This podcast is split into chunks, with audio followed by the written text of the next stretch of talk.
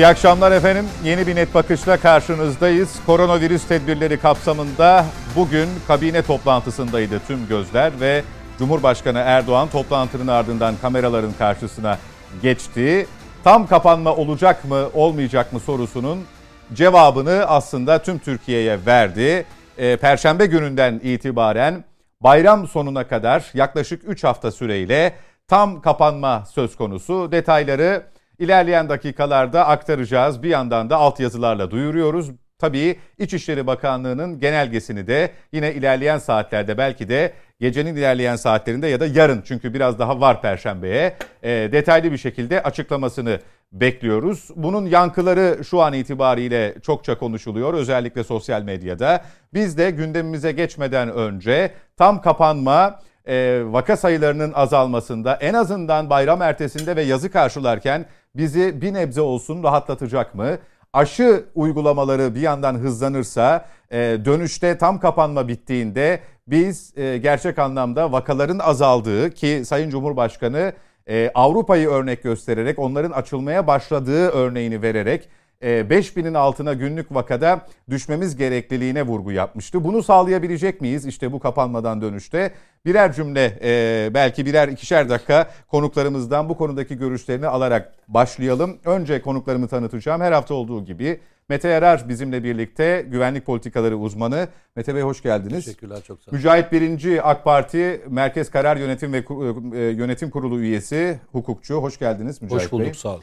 Eray Güçlüer, Doktor Eray Güçlüer, Altınbaş Üniversitesi öğretim üyesi. O da İstanbul Stüdyo'da konuğumuz. Eray Hocam hoş geldiniz. Teşekkür ederim iyi yayınlar. Uzaktan bağlantıyla da Yeni Yüzyıl Üniversitesi Rektörü Profesör Doktor Sayın Yaşar Hacı Salihoğlu bu akşam net bakışa katılan isimler arasında. Hocam siz de hoş geldiniz.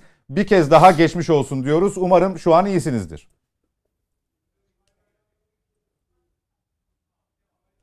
Evet zannediyorum duyamıyor bizi ee, Yaşar Hocam. Ee, ilerleyen dakikalarda kendisine bağlandığımızda hem e, sağlık durumunu soracağız hem de bu kapanmayla ilgili e, görüşlerini alacağız. Mücahit Bey ile başlayalım.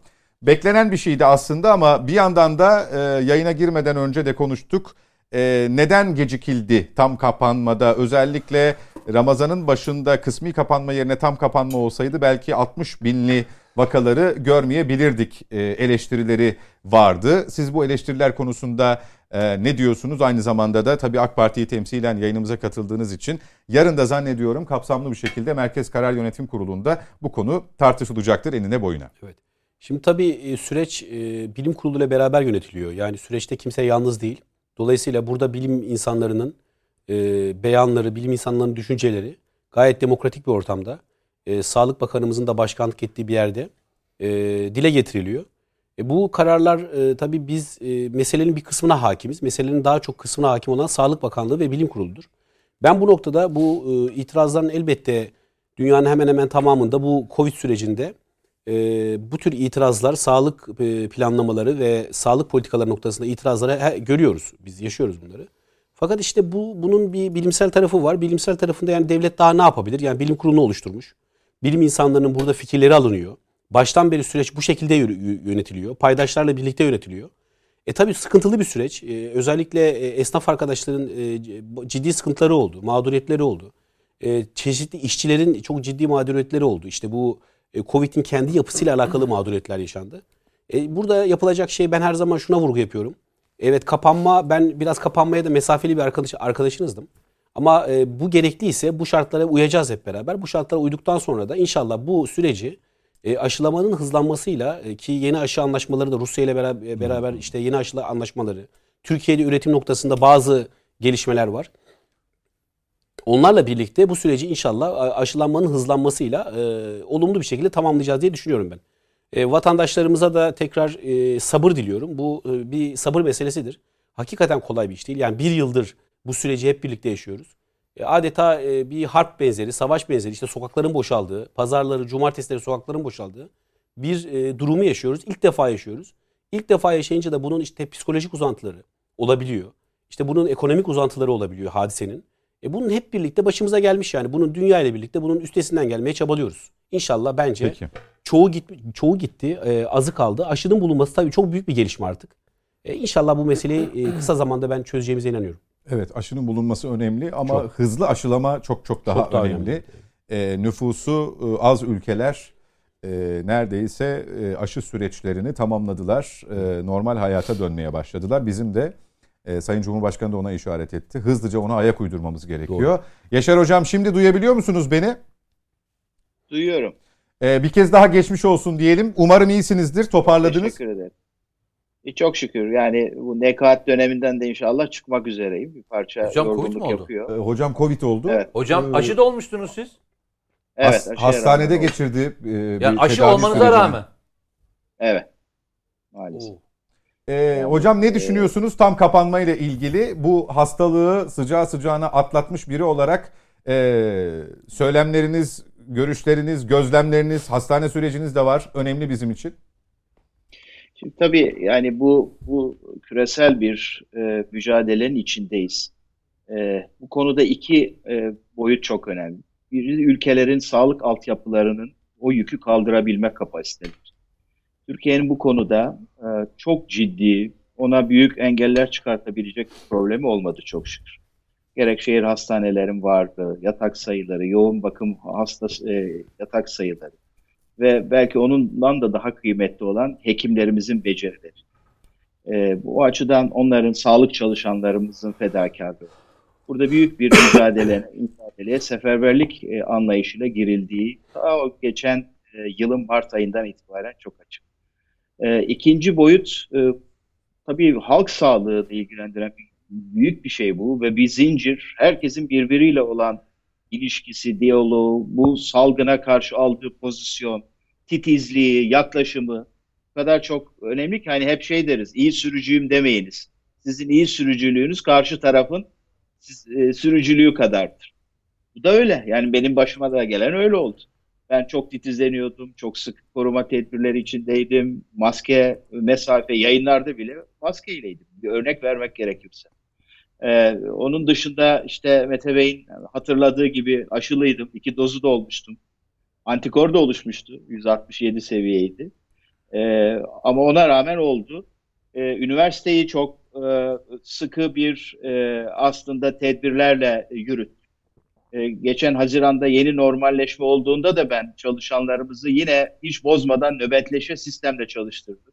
Kendi özel kalemim öyle çalıştı. Belki birkaç kez geldi gitti. E, işte yakınımdakiler, makam şoförü vesaire.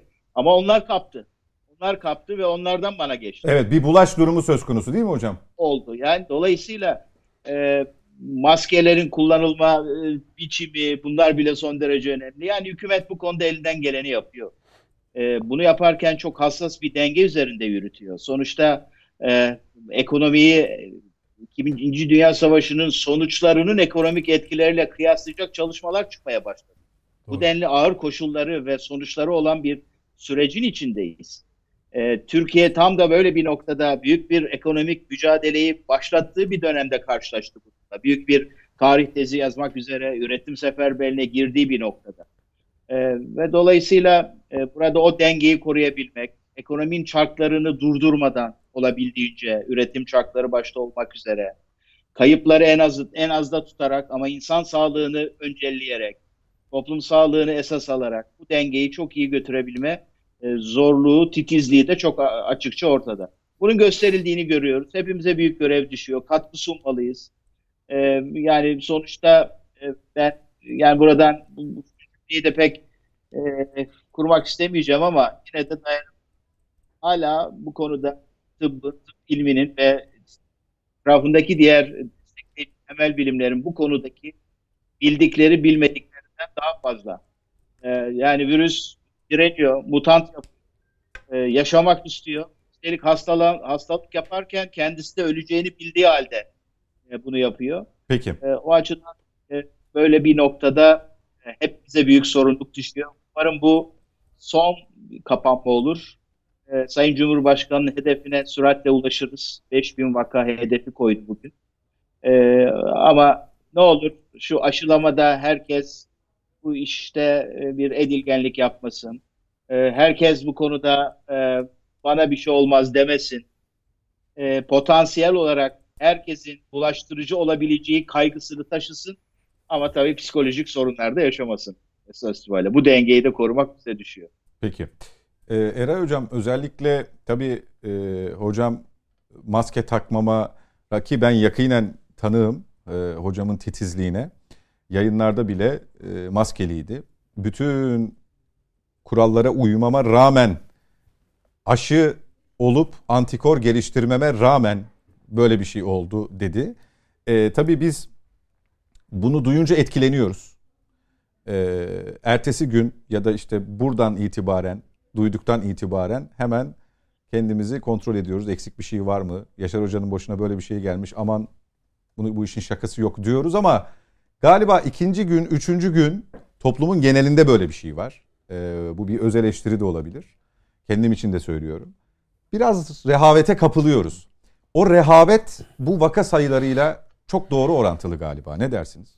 Şimdi hastalıkla mücadelede gücümüz e, zincirin en zayıf halkası kadar, en zayıf halkasının gücü kadar. Çünkü bir yerden başladı mı oradan devam ediyor. Yani önemli olan bu pandemi e, akımının zincirinin bir yerde kırılması. Şimdi e, tabii ki e, bu işin e, aslında sizin söylediğiniz boyutuyla bu bir mücadele ama sabır mücadelesi. Yani nefse hakimiyet mücadelesi, sabır mücadelesi. Tabii sadece kendimiz de değil, etrafımızdaki insanları da, ailemizi, işte çoluk çocuğu, yakınlarımızı da sabırlı olun şeklinde telkinde bulunmamız, hatta davranışlarını sınırlandırma sorumluluğumuz da var. Yani sadece bizde de bitmiyor. Ee, bu da tabii artık yaza giriyoruz. Şimdi virüsün yazı kışı yok. Ha, kışın tabii insanlar daha fazla toplu olduğu için bulaş riski artıyor. Ama yazın da yaşıyor bu virüs, kışın da yaşıyor. Dolayısıyla Geçen burada, sene çok yaşadık o tartışmayı evet, biliyorsunuz. Yani burada mesele e, bu şekilde belki biraz e, radikal sayılabilecek ama gerekli bir süreci e, sürece sabretmemiz gerekiyor. Sürecin gereklerini yerine getirmemiz gerekiyor. Çünkü önümüz bayram. Eğer bu bayramı mutlu ve sevinçli bir şekilde yaşamak istiyorsak şu e, süreç içerisinde yaklaşık iki haftalık süreci e, göğüsleyeceğiz. Yani bu bir mücadele. Hakikaten bir mücadele. Bu mücadelenin hakkını vereceğiz. Bu mücadelenin hakkını vererek bu virüsü yeneceğiz. Evet. Yani ya bizi virüs yenecek ya biz virüsü yeneceğiz. Bu millet hiçbir zaman düşmana yenilmemiştir, teslim olmamıştır. İster görünsün ister görünmesin bu mücadele verecek. Bir de şöyle bir şey var. Yani tam da yazın bakın ülkelerin bir bölümü dünyada bu işi tamamladı. Mesela İngiltere %60, İsrail %100, işte Amerika'da %50'nin üzerinde aşılamalar yapıldı. Ee, işte e, Yeni Zelanda'da 50 bin kişilik e, bir e, konser verildi. Yani dünyanın bir bölümü artık bu pandemi zincirini kendi toplumları içerisinde kırıp hayatın normal akışına doğru dönmeye başladılar. Şimdi bu bir işte bir bedel ödüyorsunuz. Yani bu sabır bedelini ödeyip normale geçmemiz gerekiyor. Hani bir kere e, bu şeye katlanacağız ama e, normal yeni normalin de gereklerine uyarak çok da rehavete kapılmadı ama eski sıkıntılara da tekrar geri dönmeden daha her geçen gün belki biraz daha iyi biraz daha fazla normalleşerek bu süreci adım adım götürmemiz gerekiyor. Bakınız Türkiye'nin e, turizm potansiyeli yıllık 35 milyar dolar. Geçen sene ancak 12 milyar dolar elde edebildik. Bu sene bu da riskte. Yani şimdi bir taraftan da çok ciddi ekonomik baskı var. Hem hükümetlerin üzerinde hem toplumun üzerinde hepimizin üzerinde. Yani bunu bu sabırlı kırıp işte e, biliyorsunuz e, Rusya'nın bu noktada şeyi var e, yani bir tedbir amaçlı bir durumu var. Türkiye'ye yönelik gene Amerika, İngiltere gibi bazı ülkelerin bizi kırmızı kategoride hani çünkü şey çok yüksek yani. Hani bunu 5000'in altına indirmek gerekiyor. 5000'li seviyelere bu vaka sayısını indirmemiz gerekiyor ki biz de dünyaya diyebilelim. Evet e, Türkiye'de de artık bu e, kontrol edilebilir. E, yayılma riski zincir olarak belli noktalarda kırılabilmiştir filan dememiz lazım. E, bu nedenle inşallah bu hepimizin de gayreti ve sabrı çabasıyla e, bu virüsü yenip daha güzel günlere ulaşmak için bu e, 14 günü e, göğüsleyeceğiz. Evet e, aslında bayram dediniz. Kur, 21 gün. 21 gün pardon. 3 hafta. E, kurban bayramını aslında daha rahat geçirebilmemiz için belki de bu tedbirlere Ama uymamızın şöyle yani e, bu Ramazan ay sonra, bayramında Ramazan da bunun etkisini sonra görürüz. Yukarı. Çünkü 2 hafta ya. Hı hı. Burada 10 21 günlük bir süre öngörülüyor. Dolayısıyla 2 haftadan sonra Yani zaten Hayır tam şunu söylemek istedim. Yani bayramda zaten haftası- evdeyiz. Ama Kurban Bayramı'nda kısmen dışarı çıkabilmeyi sağlamak için bu vaka sayılarının düşmesi çok çok önemli. çok çok önemli. evet. Ee, bari o bayramı e, geçtiğimiz iki bayramı da tam anlamıyla yani e, şu da var. Bakın, kutlayamadık, yerine getiremedik. Yine evdeydik. Ama bu Ramazan bayramında şöyle etkisi olacak. Kayıplarımız azalacak. Can kaybımız azalacak. Üzüntülerimiz Tabii, inşallah. azalacak. Yani inşallah hani e, toplum olarak en azından kayıplarımız olmayacağı için ya da minime, minimize olacağı için bir rahatlayacağız. Yani şimdi düşünün her gün insanlar oturuyorlar. Sağlık Bakanlığı'nın yapacağı açıklamayı bekliyoruz. Hepimiz artık psikolojik bir şey oldu. E düşününsene şimdi ya vaka sayısı 5000'in altına düştü. Can kaybı 3'te 5'te. Ya hepimiz ya evde de olsak rahatlarız. Peki. Yani Bir de şey Yani öyle bir tepinilmişti psikolojik ya bu 23 Nisan'da işte kapandık. e, Bu hep resmi bayramlarda, milli bayramlarda kapanıyoruz. Dini bayramlarda serbest gibi Olur mu canım? bir algı sene- tabii tabii onu onu unutturmak için bir algı üretmeye çalıştılar bunlar. E onun da olmadığını görüyoruz zaten. Geçen sene de hani bunun bayramlarla bir ilgisi olan süreç değil yani bu. Bu Tamam. ba- bambaşka bir süreç. Peki. Ee, Yeni Zelanda örneğini verince görmüşsündür Twitter'da. Ee, 50 bin kişilik konser böyle bir e, cümleyle belirtilmiş. Ben ilk gördüğümdeki tepkim şu olmuştu. Kim bilir hangi yıldan bu diye tıkladım resme.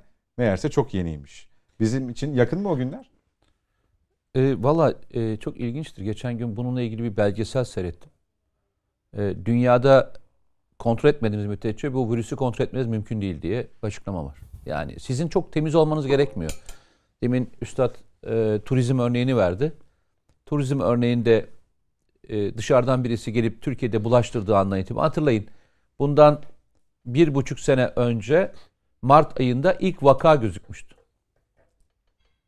Hatırlayın yani. Ya onlarla onlarla falan başladık yani 10, 20, İşte 15. ilk vaka hatırlarsanız da Sağlık Bakanı çıktı ve şunu söyledi. Türkiye'de ilk korona vakası gözükmüştür dedi. O günü hatırlayın. Yani buradaki e, şey şu ben başından beri şunu söylüyorum. Demin hocam e, sanırım söyledi. Yaşar hocam söyledi.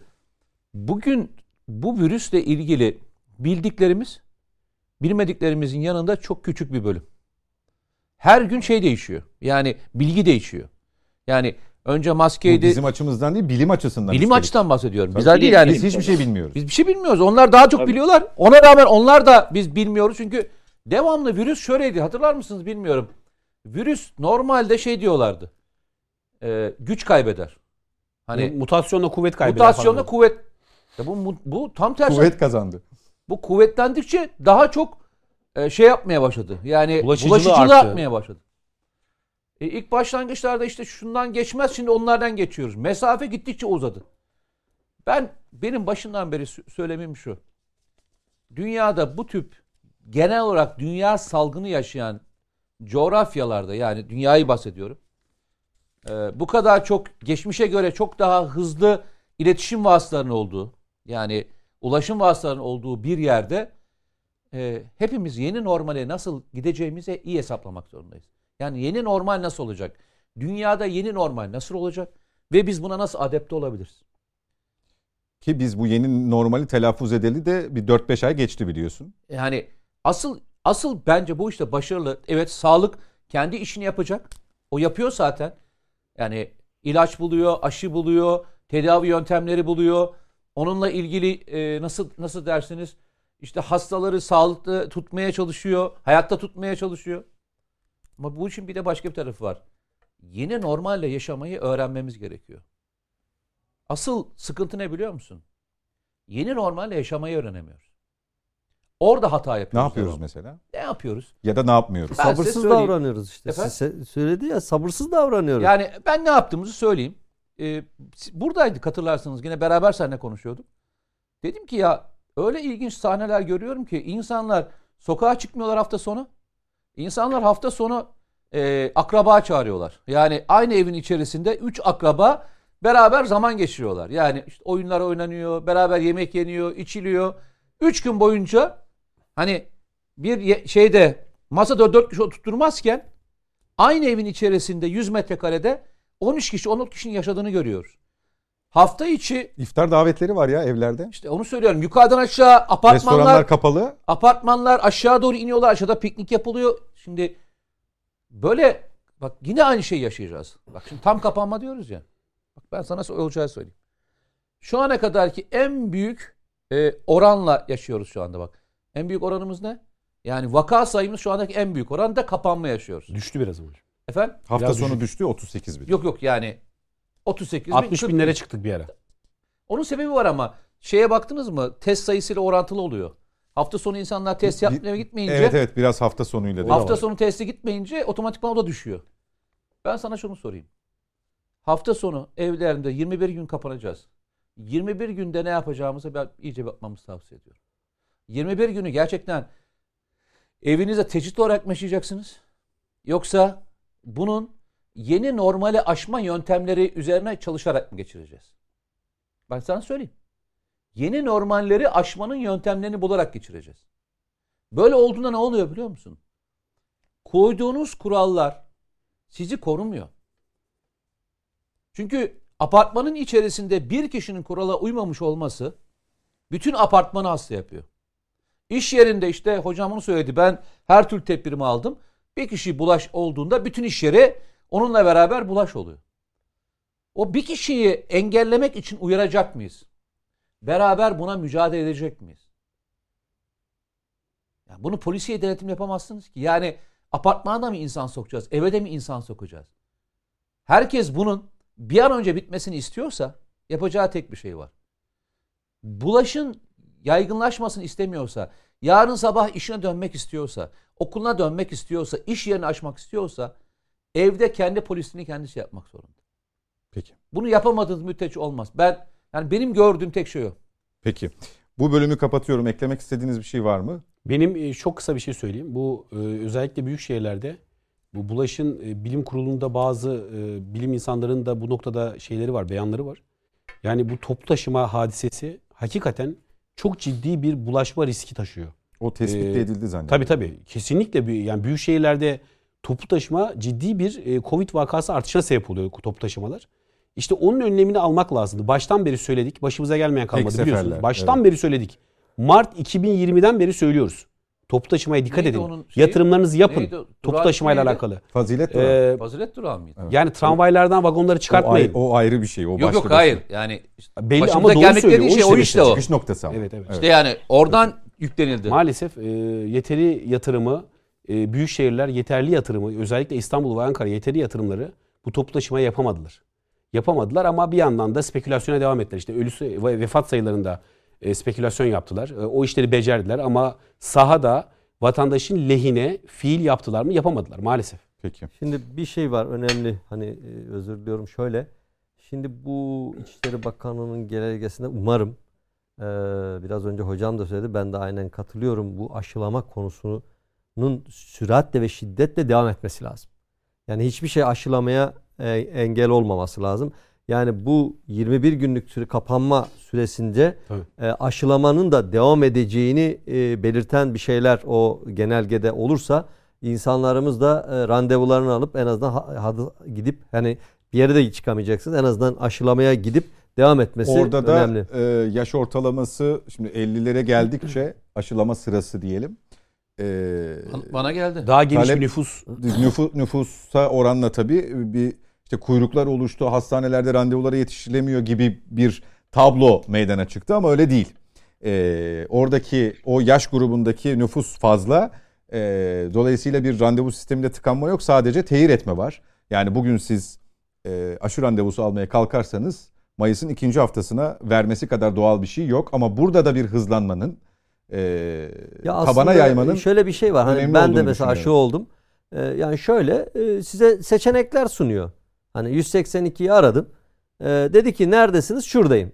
Ee, ne dedi ki şu hastanede şu gün. Şu hastanede şu gün. Şu saat şu hastanede şu. Seçin dedi. Ben de şu gün olsun dedim. Evet.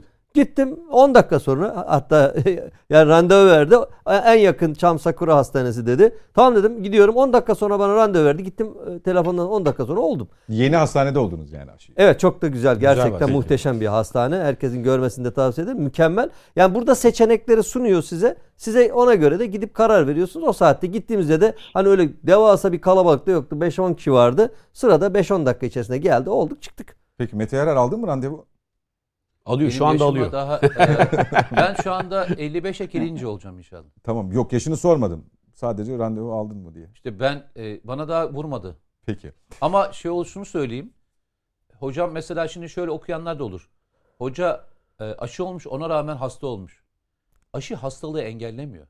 Hastalığı daha Etkisini sert azaltıyor. daha sert geçirmesini engelliyor. Düşün Evet.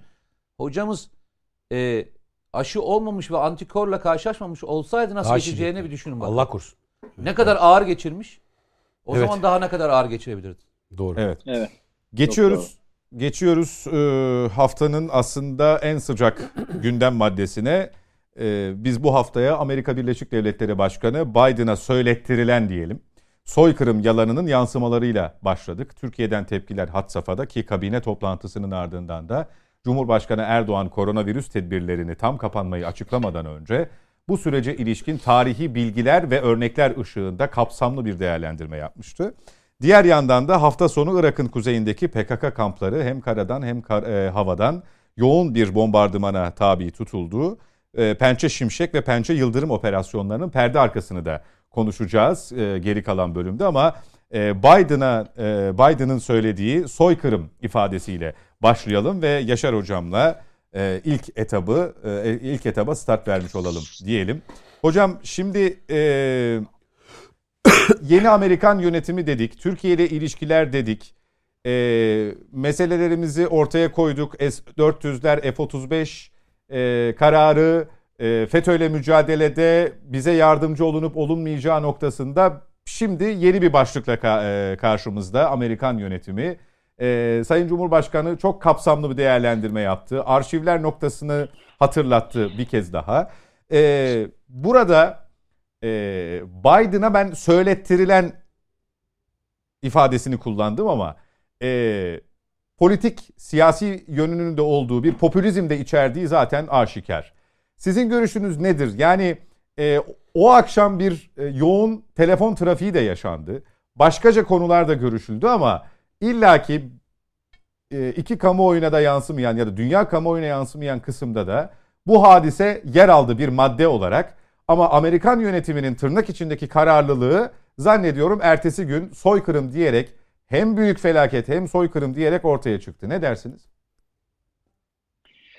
Eh, yani tabii Biden'ın yardımcısının onların eh, seçim kampanyalarını biliyoruz. Daha evveliyatını biliyoruz. Özellikle Biden'ın eh, Rum ve Ermeni özellikle Rum lobileriyle bulunduğu eyalet açısından da siyasete girişinde bile çok büyük etkili olduğunu biliyoruz. Bütün bunlar ve bir de tabii kurduğu ekip vesaire Blinken'lar gibi. Eh, ama buna rağmen e, biz her 24 Nisan'da Amerikan başkanları işte bunu söyleyecek mi söyleyecek mi mi diye odaklanırız. Son dakikada seçim e, çalışmalarında e, ansalar bile ama başkan olduktan sonra bunu ifade etmeyip işte e, büyük felaket vesaire gibi çeşitli kavramlarla karşıladıklarını biliyoruz. Bu sefer ne oldu da böyle oldu? Belki soru bu, bu böyle sorulabilir. Yani bu Biden'ın kendi e, varlığı ve ekibinin varlığının farklılığından da kaynaklandığını söyleyebiliriz ama ben biraz bu işin olgusal olduğu kanaatindeyim. E, yani e, Türk-Amerikan ilişkilerinin geldiği noktada daha önce kıyaslanmayacak ölçüde bir büyük aslında e, sıkıntının içindeyiz. Peki nedir bunlar? Biz mi yarattık? Aslında. Yani ben onu 3 D bir K diye tarif ediyorum dört alanda. E, hepsini üreten de kendisi Amerikan e, e, tercihi. O da yani işte 3D'den bir tanesi FETÖ'ye verdikleri destek.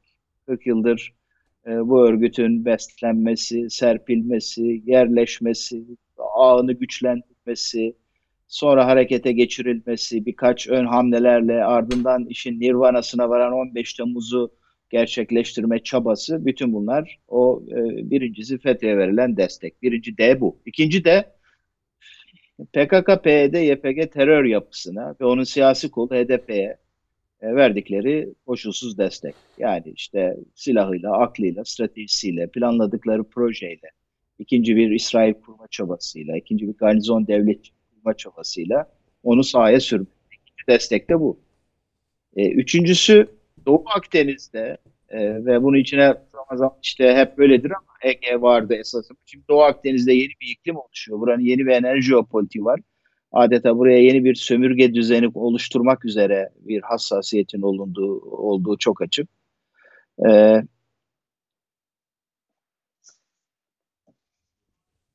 Hocam gitti Kop. ses. Hocam ses duyuyor musun? Ben duyuyorum. Evet de- devam edebilirsiniz hocam. E, tamam siz görüntüden gidince beni duymuyorsunuz sandım. Yok, yok. Üçüncüsü de bu Doğu, Doğu Akdeniz'de e, yani Güney e, Kıbrıs Rum yönetimi temelli ve Yunanistan'ı da e, bütünleştirerek bir de İsrail'in bir denklem e, oluşturucu faktör olarak, aktör olarak sahaya sürülerek burada bizden çok işte Yunanistan'ın ve diğer aktörlerin e, tezlerine verdikleri destek.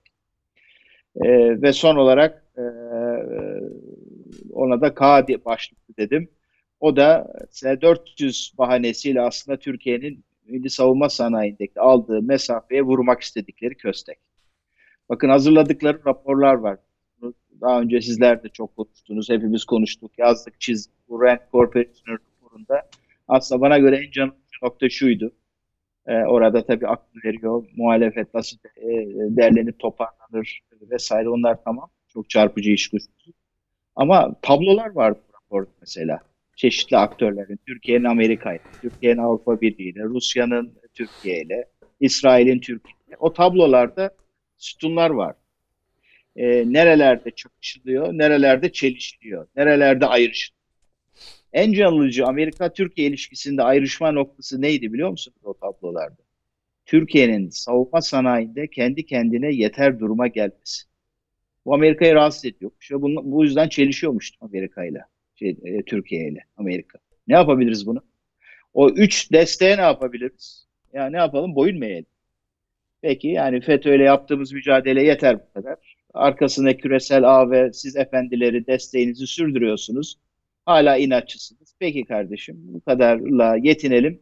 Sizin bundan sonraki süreçte o desteğiniz sürsün. Biz de buna seyirci kalalım mı diyeceğiz. Ee, yani PKK, PYD kaç başkan değişti? Bu kadar askeri e, işte diplomatik her yol denen e, yani askeri diplomasi e, kastediyorum hiç kuşkusuz. Ama e, biz bu desteği kesmiyoruz dediler. E, esas itibariyle bizim orada bir planımız var. Ne yapalım? Buna boyun mu? Buyurun Suriye'nin kuzeyinde istediğinizi yapın. Bizim e, üç askeri harekatla durdurduğumuz e, o e, batıya doğru ilerleyişi devam ettirin. Terör örgütlerle dans etmeye devam et. Geri gelin DAEŞ sürün sahaya. PKK'yı meşrulaştırsın. E, DAEŞ'ten PKK yer kazansın densin ki işte e, PKK DAEŞ'le mücadele ediyor. Bu emanetçi işgalcilerle istediğinizi yapın. Bunu mu diyelim? Doğu Akdeniz'de mavi vatan stratejisi benimsedik. 462 kilometre kare alan. Bundan vaz mı geçelim? Kimsenin hakkını, hukukunu e, zedelemeden, coğrafi gerçeklerle çelişmeden belirlenmiş sınırlardır o. Vaz mı geçelim bundan? Yani bir filo kurdu. Tarihinde ilk defa devrim niteliğindedir Türkiye'nin denizlerini. Önce aramak, ikincisi kendin aramak üzere oluşturduğum bir strateji bu. Sismik ve sondaj gemileri. Yani attık, e, aldık bunları ama hata ettik. Onları da çekiyoruz hangarlarına ve hiçbir şekilde onları da kullanmayacağız mı diyeceğiz? Bu mu diyeceğiz? Peki milli savunma sanayinden rahatsızlık duyuyorsunuz. Kendi kendimize yetmeyelim. Yine geçmişte olduğu gibi. Sizin silah pazarınız olalım. Sattığınız silahların da kölesi olalım. Siz istediğiniz gibi bizimle e, o konuda dışarıdan yönetin, biz içeride idare edelim. Bunu mu diyeceğiz? Bunların hiçbiri olmayacağına göre. Biden gelir öbürü. Bunlardan geri adım atmadıkları. Bu ülkeye boyun eğdiremiyoruz. Ne dediysek olmuyor. Dolayısıyla e, yani emperyalizmin klasik reflekslerinden bir tanesi de şu.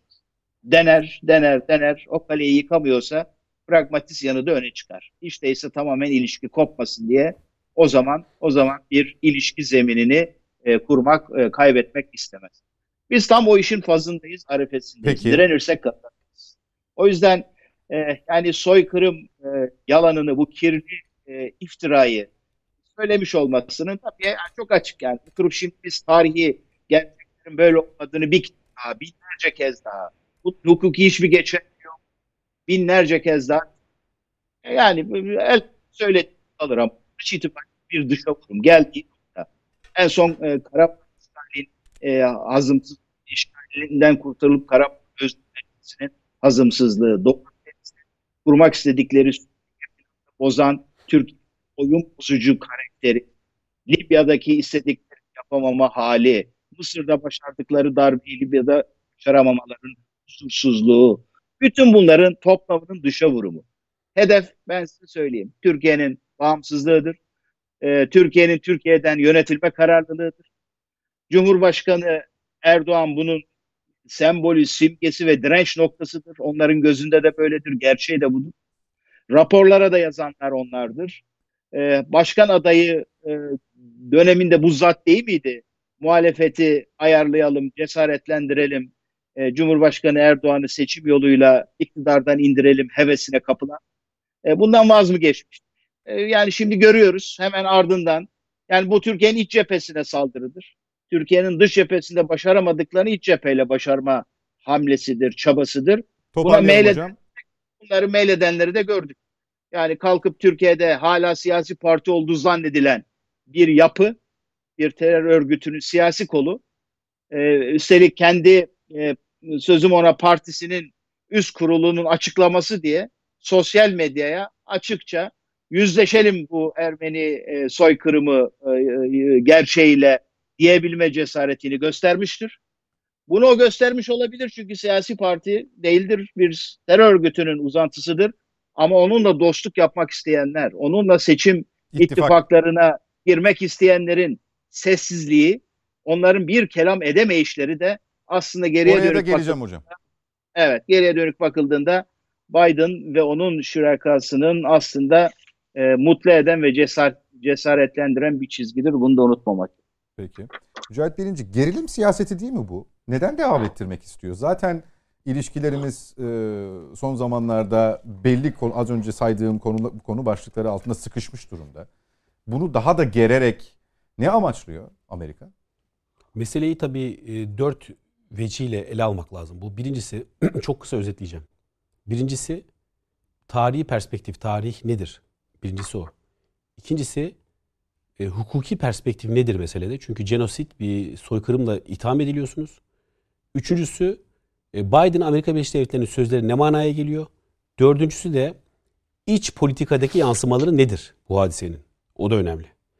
Şimdi e, birincisi tarihi gerçeklik nedir? Bakın bu e, sözde soykırım olarak nitelendirdikleri 1915 olaylarında o zorunlu göç meselesinde meselesinden 2-3 sene önce e, Osmanlı İmparatorluğu'nun Dışişleri Bakanı var Ermeni, Maliye Bakanı var Ermeni, Beylerbeyi Sarayınızı Ermeni yapmış, e, Dolmabahçe Sarayınızı Ermeni yapmış, Tak, e, Ortaköy'deki o muhteşem camiyi bir Ermeni mimar e, inşa etmiş. Dolayısıyla Şimdi Osmanlı İmparatorluğu'nun, Osmanlı Devleti'nin herhangi bir tebaasına, herhangi bir vatandaşına veya herhangi bir milliyete, e, imparatorluk sınırları içerisinde yaşayan herhangi bir milliyete bu tarz bir düşmanlığı asla söz konusu olmamıştır. Bu tarihi bir realite değildir.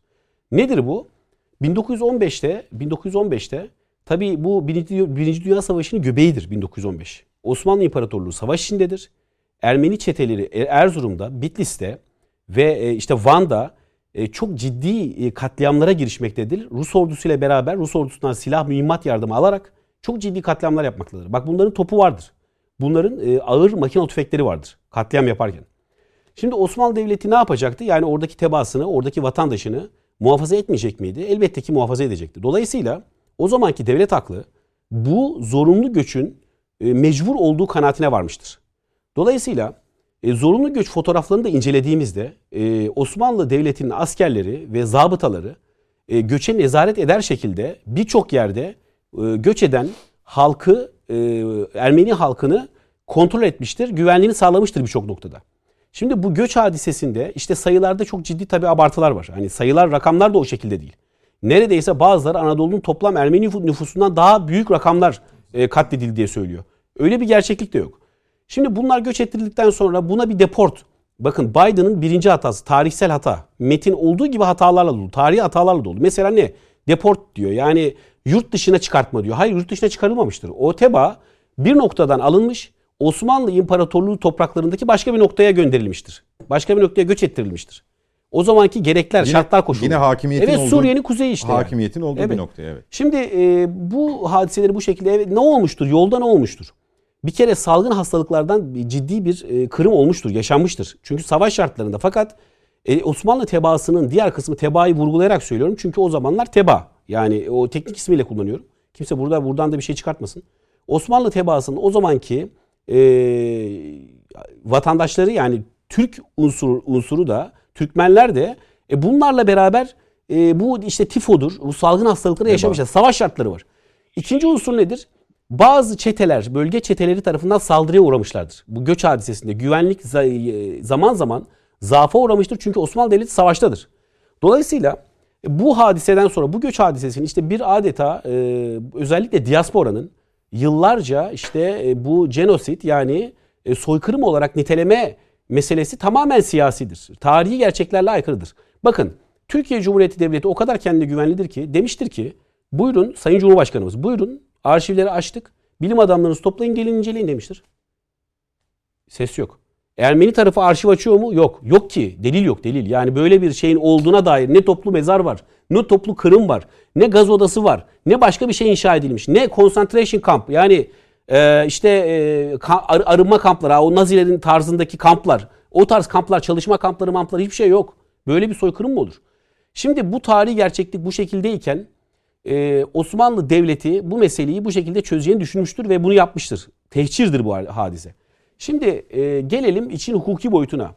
Şimdi hukuki boyutunda e, 1948 e, tarihli bir soykırım sözleşmesi var. Fakat bu tabii soy, soykırım sözleşmesinde eğer bir mevzuya, bir olaya soykırım nite, olarak nitelendirebilmek için olayı ya e, görevlendirilmiş mahkemeler veya uluslararası ceza mahkemelerden bu noktada bir karar çıkması gerekir. Bugüne Bakın kadar. tabii elbette. Şimdi e, Osmanlı Devleti'nin bakiyesi olan Türkiye Cumhuriyeti Devleti'nin zaten bundan sorumlu tutulabilmesi çok ciddi bir hukuki soru işaretidir. Tutulabilir mi tutulamaz mı? Bu başka bir hukuki tartışma konusu olmasına rağmen hiçbir şekilde ne Osmanlı İmparatorluğu ne Osmanlı Devleti ne Türkiye Cumhuriyeti Devleti bu konuda herhangi bir uluslararası yargılamaya tabi tutulup herhangi bir karar alınmamıştır. Bakın biraz daha ötesini söyleyeyim. Hadi biz e, şeyleri açtık, arşivleri açtık. Daha ötesini söyleyeyim bakın. 1918 senesinde İstanbul, İstanbul yani Osmanlı İmparatorluğu'nun başkenti İngiliz işgali altındaydı. Ya bunlar var ya bu e, evraklara, bu belgelere, e, oradaki bütün Osmanlı arşivine didik didik ettiler. Didik didik ettiler. Bir şey bulamadılar. Bulsalardı yargılayacaklardı veya bulsalardı bunu ciddi manada delille kullanacaklardı. Tabii tabii uluslararası boyutu da Hiçbir, taşıyacaklar. hiçbir şey bulamadılar. Yok ki böyle bir şey. Yani o soykırım bir gerçeklik, tarihi bir gerçeklik değil ki. Şimdi bu meseleyi bu şekilde koyduktan sonra ne bir karar var, ne hukuki karar var, hiçbir şey yok. Sadece siyasi kararlar, parlamentolardan, yerel halkın ve özellikle diasporanın baskısıyla alınmış bir takım siyasi parlamento kararları var. Hukuk dünyasında herhangi bir şey ifade eder mi? Hiçbir şey ifade etmez. Açık söyleyeyim. Mahkemelerde delil teşkil eder mi? De mahkemeler de delil teşkil etmez. Gelelim Biden'ın açıklamalarına. Biden yani e, iler tutar tarafı olmayan tarihi birçok hata ile dolu İstanbul'u Konstantinopolis olarak niteleyen bir metne metni açıklamıştır. Yani bu Herkese Biden'ın göz kırparak göz aslında. kırparak yani evet ya bu tamamen siyasi olduğu oradaki diasporanın baskısıyla onlara da göz kırparak söz verdiği için yaptığı adeta hani bir de iyilik yapmış gibi servis ediliyor. Bak şöyle servis ediliyor. İşte orada Osmanlı İmparatorluğu'nu öne çıkartmış. Türkiye Cumhuriyeti Devleti'nden bahsetmiyor bu bir. İkincisi de Konstantinopolis diyerek hani o yine eskiye atıf yapıyorum. Bak bu şu andaki Türkiye Cumhuriyeti Devleti'ni pek ilgilendirmiyor gibi böyle ortada adeta dansöz gibi ortada bir Bir de köprü üzerinde diyor ya hani. ince ince köprü üzerinde yürümeye çalışmış tamam mı? Yazık. Zavallı. Ayaklarına Şimdi- dolaşmış. Şimdi tabii tabii. Şimdi bu bu noktada e, ciddi tarihi gerçek eksiklikleri var. Yani iler tutar tarafı yok bu metnin. Metnin hukuken ne olduğunu söylüyoruz. e, Bazıları karşı çıkıyor. Diyoruz ki hukuken kendine mümkündür bu metin. Yoktur. Yok hükmündedir. Yani hukuk dünyasında bir yansıması olmaz bu metnin. Bu metinlerle yargılama olmaz. Siyasi metinlerdir bunlar. Dolayısıyla şimdi Biden e, bunu bu şekilde yaptıktan sonra bir de iç siyaset ve içine dönelim. İç siyasette ne oldu? İşte Biden'ı kınamak kolay ya. Biden işte bazı e, Cumhuriyet Halk Partisi milletvekilleri, hükümetin büyük e, çoğunluğu, işte Adalet ve Kalkınma Partisi sözcüsü, ondan sonra e, işte Cumhurbaşkanımızın Cumhurbaşkanımızın sözcüsü e, ve işte iletişim başkanımız, değerli iletişim başkanımız bunlar e, toptan kınadılar meseleyi, hadiseyi kınadılar. Ve bir şey daha kınadılar ama. Dışişleri Bir Bakanı. şey daha kınadılar. Dışişleri Bakanımız tabii. Bir şey daha kınadılar. Ne kınadılar? O egemen, e, kendisini egemen olarak nitelendiren güç var ya, o gücün, o kapitalist gücün, o sermayenin Türkiye'de kuklasının beyanlarını da kınadılar. Adalet ve Kalkınma Partisi diyorum. E, hükümet diyorum. Kim bu? HDP. Ne dedi? Türkiye Cumhuriyeti Devleti Yüzdesin dedi. bu soykırımla yüzleşsin dedi. Bakın bu hadsiz açıklama içerideki Parya'nın, Kukla'nın konuşmasıdır. Bu e, Amerika Birleşik Devletleri'nin içerideki kuklasının, Parya'sının konuşmasıdır. Ki bu açıklamadan önce. Evet. Şimdi bakın çok daha galiz. Yani Biden bir taraftan kurtarmaya çalışıyor meseleyi de bunlarda o şey hassa- o hassasiyet falan da yok yani. Çok daha galiz bir ifadeyle söylüyor bunu. Peki ben sorum şu. Şimdi bu bu söz böyle söyleniyor. Bunlarla beraber iş tutan partiler var değil mi? Mil- Millet İttifakı içerisinde bunlarla iş tutuyorlar. Öyle veya böyle. Özellikle Cumhuriyet Halk Partisi. Ya bir kelam etsenize İyi Parti Genel Başkanı'na söylüyorum. Burada Biden'a söz söylemek kolay. E söylesene. HDP'ye bir söz söylesene. Ya neden çıtınız çıkmıyor? Gıkınızı neden çıkaramıyorsunuz? Beraber beraber fidan diktiğiniz HDP'ye bu sözünden dolayı neden kınama yapmıyorsunuz? Siyasette bunun bir yansıması olmaz mı? HDP siyasi bir parti değil mi? Bunun bir karşılığı Neden bu olmaz mı? olmadı diyemiyorsun. Bakın tam tersine farz-ı muhal bir örnek vereceğim. Çok çarpıcı bir örnektir bu. Ya bırakın Adalet ve Kalkınma Partisi'nin e, MKYK'sını en üst kurulunu, organını bırakın bir tarafa ya. Böyle bir açıklama yapmasını bırakın. Bakın AK Parti'nin herhangi bir olmaz ya farz-ı muhal diyorum. Bir mahalle başkanının şu tarz bir açıklaması olsaydı var ya bunlar nasıl ortalığa kaldırırlardı biliyor musunuz? Bakın çıtlarını çıkaramıyorlar ya. HDP iş tuttukları, beraber iş tuttukları partinin en üst kurulu diyor ki Türkiye Cumhuriyeti Devleti diyor bu soykırımla yüzleşmelidir diyor. Çıtlarını çıkaramıyorlar bunlar. Ne Meral Akşener kendisini milliyetçi olarak ifade eden Meral Akşener çıtını çıkarabiliyor buna. Ne de Cumhuriyet Halk Partisi'nin genel başkanı çıtını çıkarabiliyor. Şimdi Cumhuriyet Halk Partisi'nin genel başkanının çıtını çıkaramamasını anlıyoruz. Çünkü Mustafa Kemal Atatürk'ün bu Ermeni soykırımla alakalı beyanları çok nettir. Bunlar bu soykırımı yaptılar diyor. Bu e, Ermeniler bu saldırıları yaptılar diyor. Ağır silahlarla yaptılar diyor. Hatta Maraş örneğini veriyor. Maraş'ta ciddi katliam yaptılar bunlar diyor. Dolayısıyla bunların yaygarası doğru bir yaygara değildir diyor. Bu tür bir soykırım hiçbir zaman Osmanlı Devleti bu tür bir soykırım yapmamıştır diyor. Bakın beyanları nettir. İsterseniz okuyabilirim. Getirdim beyanlarını. Buna rağmen Araya gideceğim. buna rağmen Toplayalım. Atatürk'ün partisi olduğunu iddia edenler kimi İstanbul İl Başkanı yaptılar? 24 Nisan'a atıf yapan zat İstanbul İl Başkanı değil mi şimdi? Evet İstanbul İl Başkanı. E bu ne perhiz bu ne lanet turşusu? Bakın şunu söylüyorum. Ne dedi o? Bu- Bugün işte 24 Nisan tweetini hatırlayın. Bugün 24 Nisan 23 Nisan, yarın 24 yarın Nisan. 24 Nisan e, 1915'i hatırlayın gibi bir e, tweet atmıştı. E, Bunu da kabul ediyor zaten. Şimdi bu böyle bir zat e, Türkiye'nin kalbi olan İstanbul'un Cumhuriyet Halk Partisi il başkanı. Dolayısıyla e, bu Mustafa Kemal Atatürk'ün partisi midir bu? Değildir. Mustafa Kemal Atatürk'ün partisi değildir. Kimdir bu? Canan Kaftancıoğlu ve Kemal Kılıçdaroğlu'nun CHP'sidir bu CHP.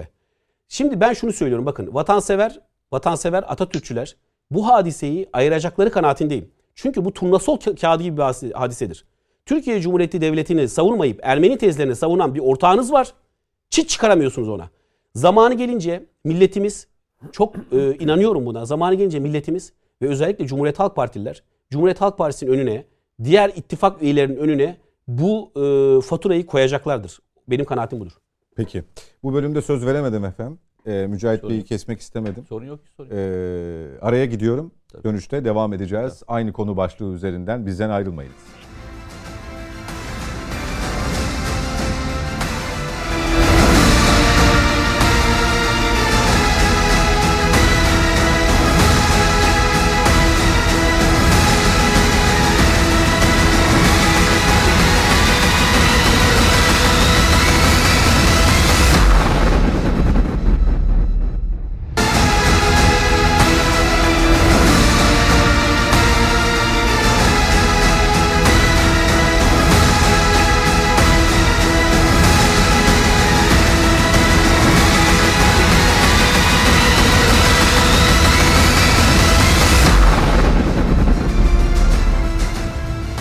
Yeniden birlikteyiz. Devam ediyoruz net bakışa. Amerikan Başkanı Biden'ın soykırım ifadesini kullanması ve Türkiye'nin buna karşı geliştireceği reaksiyonlar, tepkiler noktasında Mete Yarar'da kalmıştık araya gitmeden önce.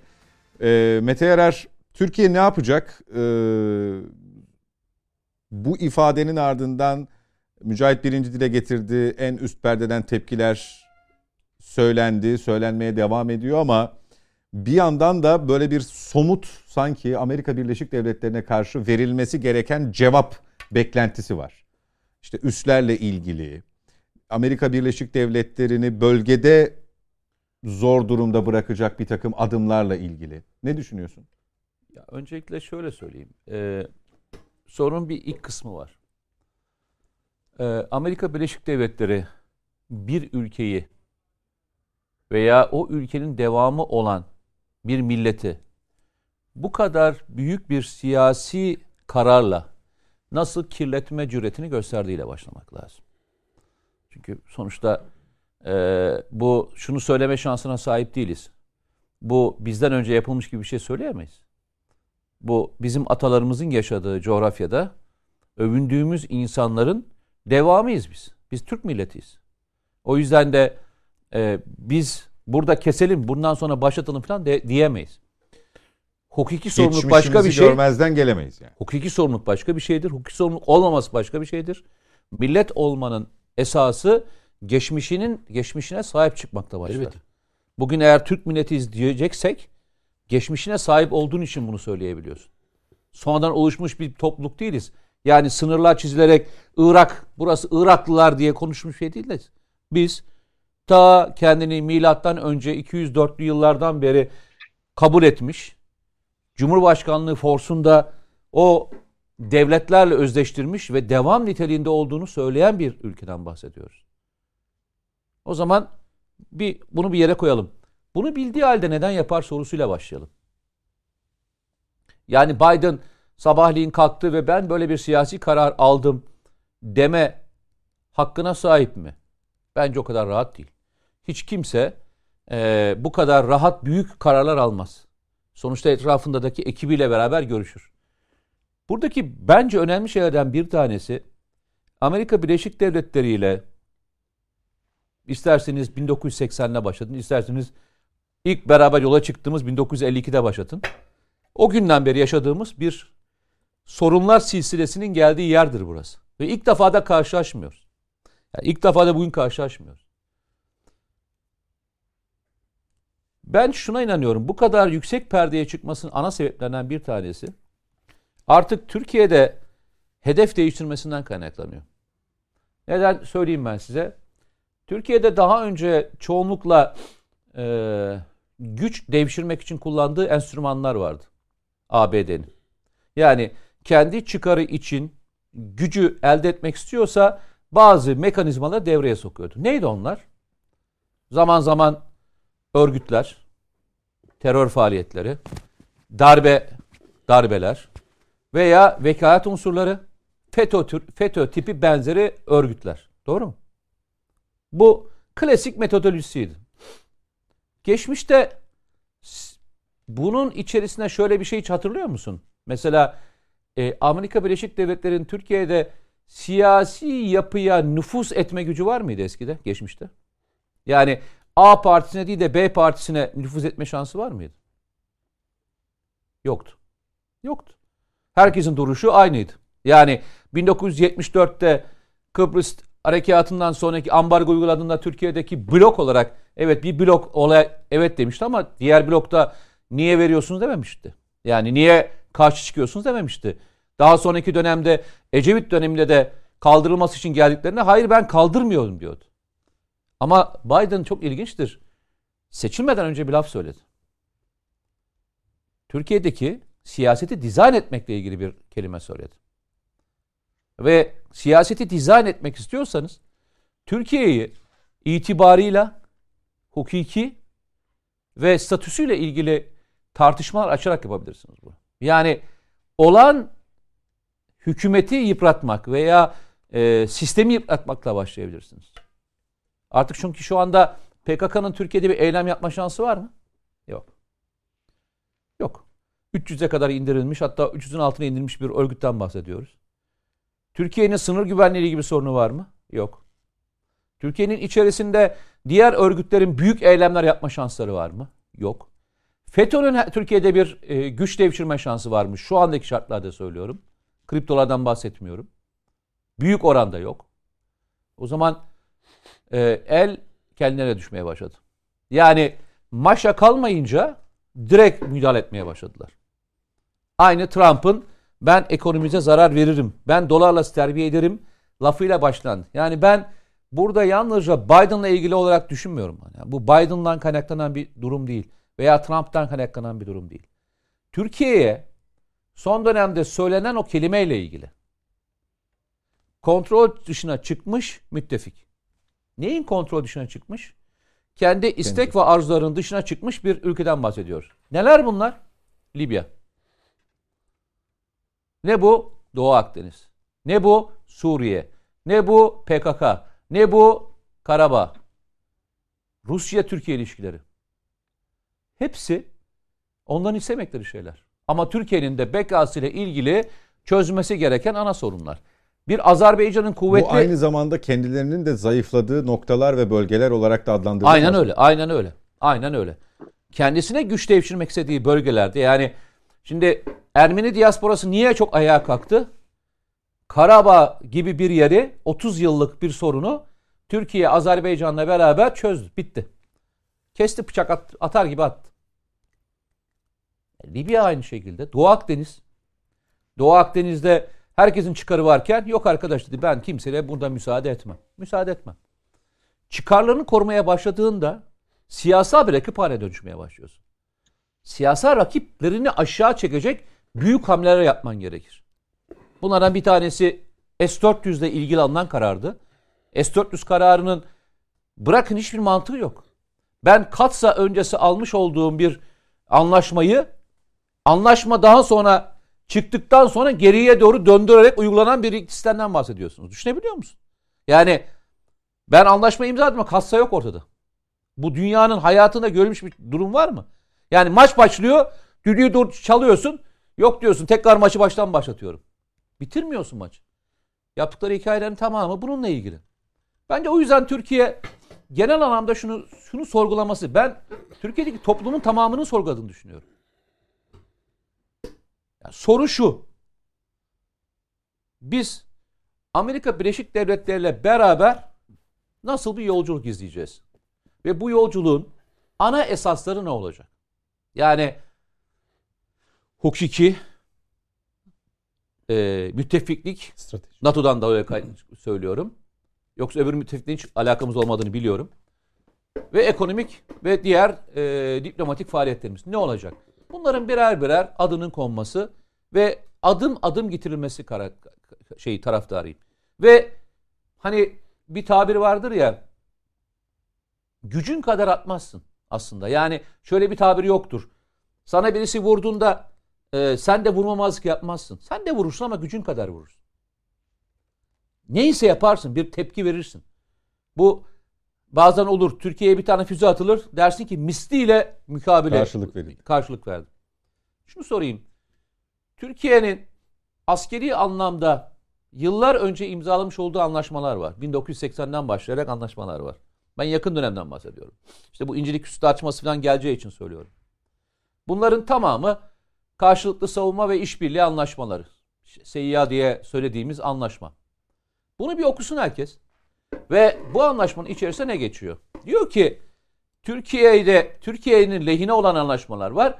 Türkiye'de bu lehte aldıklarına karşılık kendisine şeyler vermiş, haklar vermiş. Neresi için? Bu ülkeyi savunsun diye vermemiş. Amerikan üsleri Türkiye'yi korumuyor. Amerikan üsleri diğer yerlerdeki menfaatlerini korumak için üst olarak tahsis etmiş kendisini. Yoksa bir Amerikan üstüne bizim ihtiyacımız yok. Amerikalılar ihtiyaç duyduğu için gelip Türkiye'de bir lojistik üs açmışlar. Yani işimizi kolaylaştırmışız. Ve bunu yaparken de Türkiye'de bir şeyler almış. Ne bunlardan bir tanesi? Türkiye'nin savunma sanayisini arttırmak. Hani nerede? Ambargo yiyen biz değil miyiz şu anda? Karşılıksız o dönemin için şartlarıyla söylüyorum.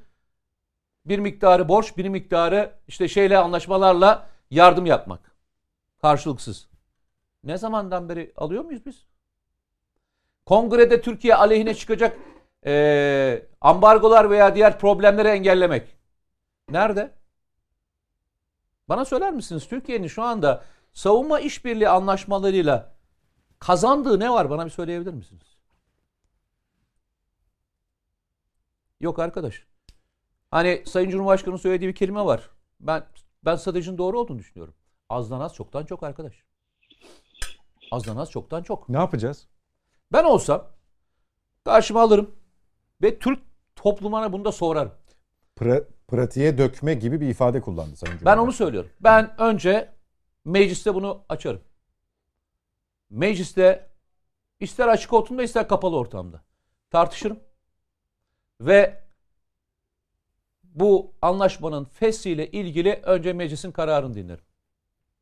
Meclisin kararından sonra eğer gerekiyorsa bu fesih kararı aynı geçen gün İstanbul Sözleşmesi kararı gibi Meclis kararı edilebiliyor. gerekiyor galiba. Bakmadım Efendim? ama meclis kararı gerekiyor onun için galiba. Hı? Meclis kararı gerekiyor onun için. Sizin Neyse çıkartırım. Ama meclise sunarım bunu. Meclise sunarım. Meclise sunarım ve desteğini alırım. Yetmiyorsa halka giderim. Halkın Referandum. desteğini alırım. Bakın şunun için söylüyorum. Bugün de arkadaşlara da söyledim. Bu yarın sabah bitecek bir hareket değil ve tekil bir hareket değil bu. Yani bu hareket hukuki bir hareket değil. Bu hareket siyasi bir hareket. Siyasi hareketlerin tek başına olmasını bekleyemezsiniz. Siyasi hareketler bir başka bir şeyi tetiklemesi için yapılır. Arkasından başka bir şey gelecektir. Bugün buna doğru cevap vermezseniz bir üst perdeden başka bir şey daha yersiniz. O cevap nedir somut olarak? Yaptığının Üst kapatma ise gerekirse üst yaptığının, kapatma mı? yaptığının mukabili neyse aynısını yap. Siz Amerika Birleşik Devletleri'nin üstlerinden bahsediyorsunuz tabii değil mi? NATO değil yani. Yok Amerika tabii canım NATO'dan, NATO'dan bahsetmiyorum. Bir Eray hocama soralım. Yani ben Amerikan üstleriyle ilgili benim ben kendi kanaatimi soruyorsanız arkadaş ben sana bunu bir imtiyaz olarak vermedim. İmtiyaz olarak vermedim. Ben bunu karşılıklık ilkesine göre verdim.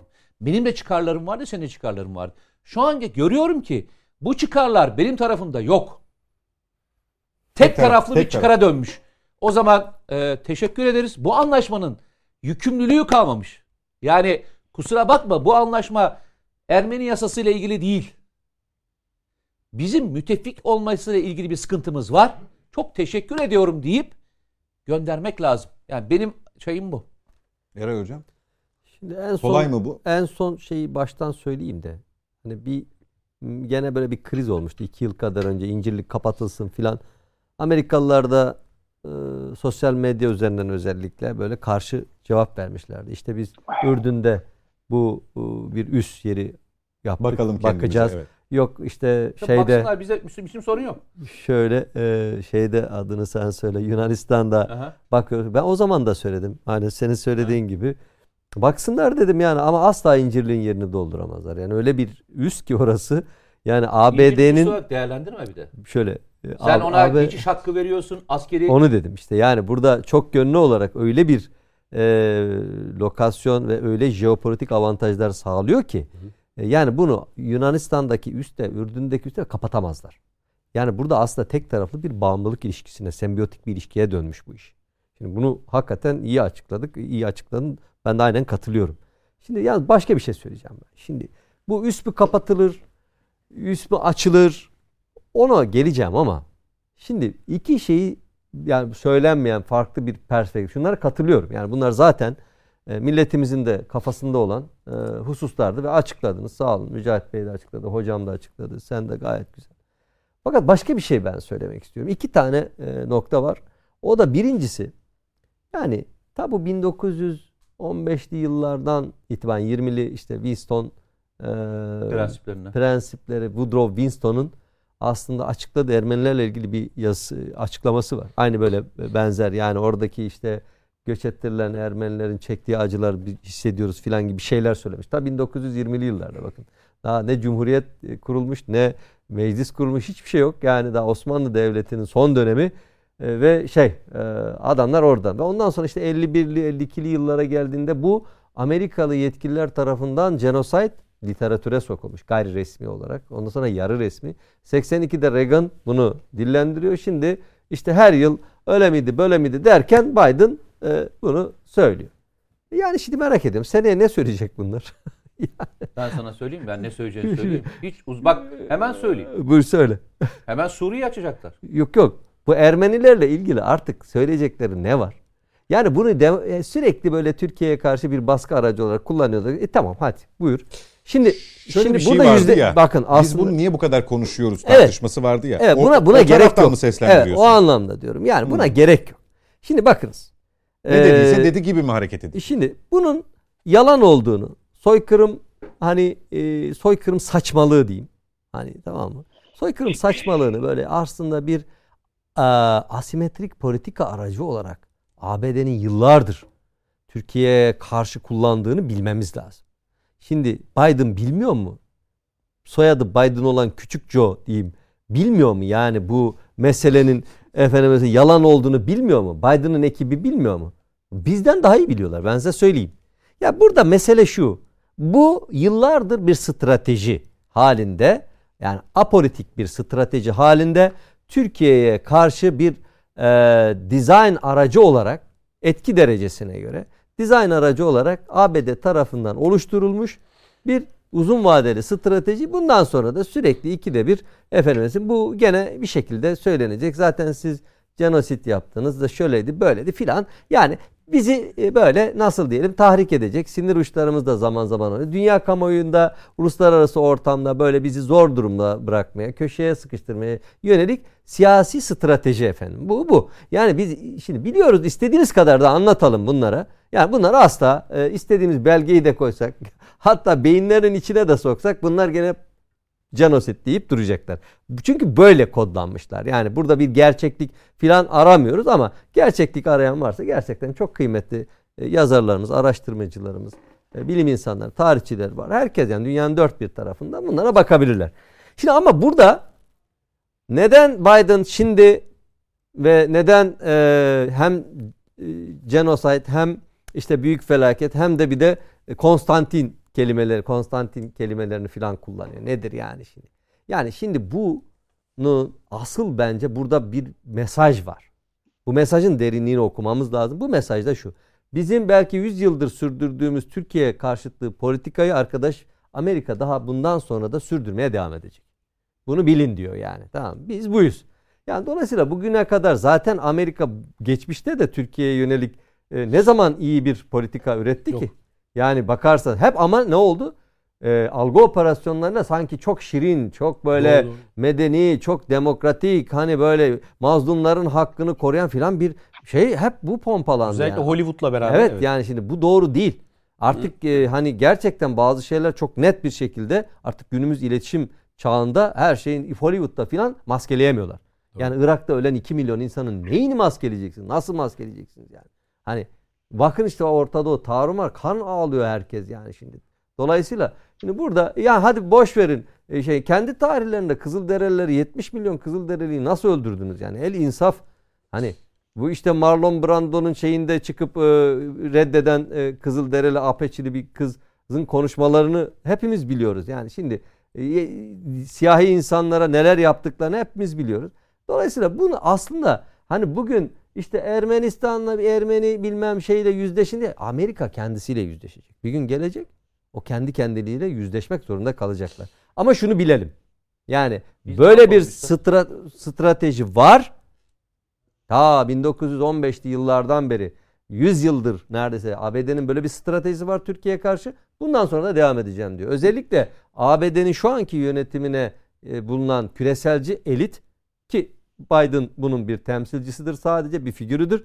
Arka planda Türkiye'ye yönelik niyet ve maksadı budur. Bunu bir kere bilmemiz lazım. Şimdi tabii e, nedir peki o zaman? İkinci soru nedir? Niye böyle yapıyorlar ki? Niye böyle bir strateji oluşturdular? İşte bugünler için aslında. Yani adamlar akıllı adamlar. Şimdi bakınız Türkiye'ni anlattınız hepinizde. Yani Türkiye eski Türkiye değil. Türkiye e, işte oyun kurucu durumda artık oyun bozucu da değil oyun kurucu.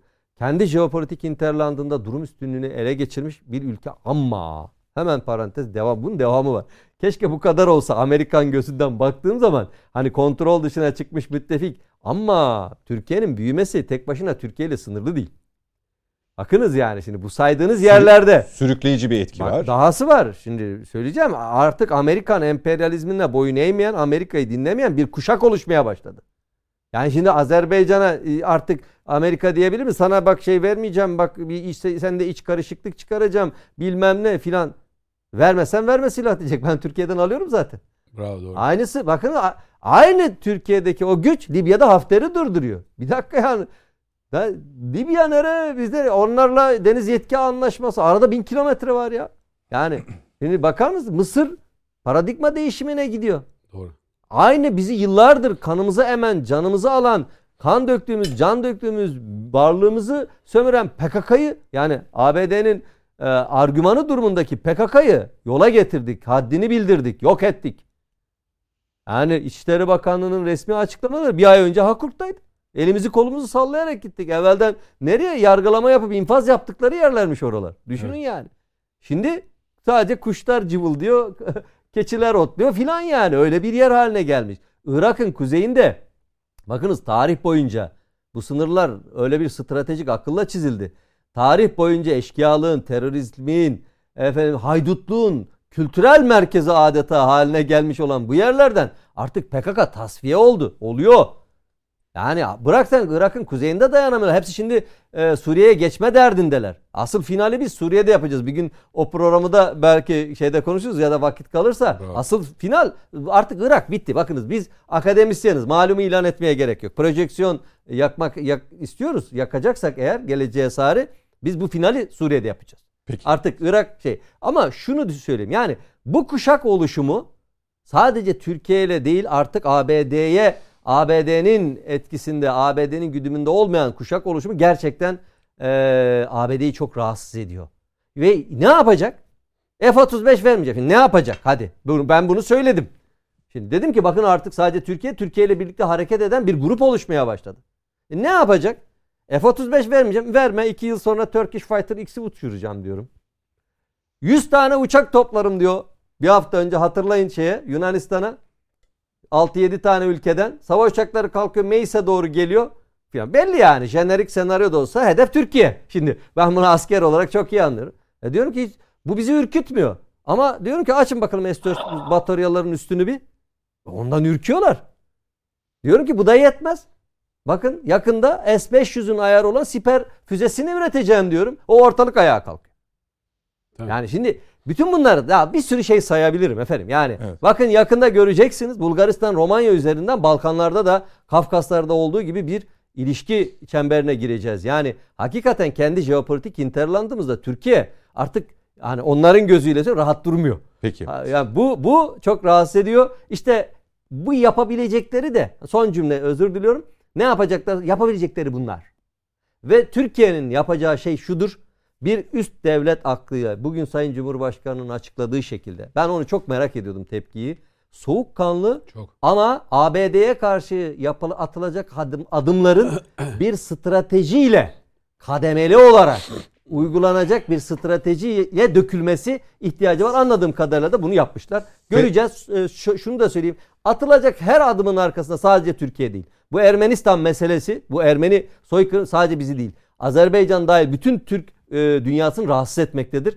Atılacak her adımda bu noktada sadece Türkiye'nin değil bütün Türk dünyasının Cevabı da desteği evet e, ABD'ye karşı atılacak cevabı her adımda sadece Türkiye değil bütün Türk dünyasında desteği olduğunu unutmayalım. Türkiye'nin buna esaslı bir şekilde cevap vermesi talebi haklı bir taleptir ama fevri olmamakta fayda var. Bir strateji çerçevesinde bunu Strateji. Yani onu gerekir. özellikle aynı onlar gibi düşünüp Peki. böyle tamam uzun vadeli strateji.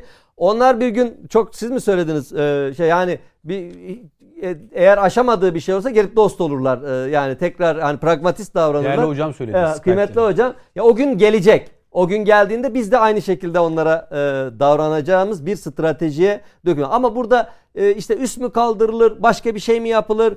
Ama genel anlamda hani bir cümle söyleyecek olursam ABD'nin Türkiye'deki ve bölgedeki varlığını azaltıcı, kademeli şekilde azaltıcı bir strateji e, uygun olabilir diye düşünüyorum. Bunu tabii hükümet belirleyecek. Peki Yaşar Hocam, e, Eray Hoca da bahsetti. E, şimdi bu e, mukabele konusunda, karşılık verme konusunda ve söylemlerde de bir strateji esası güdülmesi gerekiyor sanki.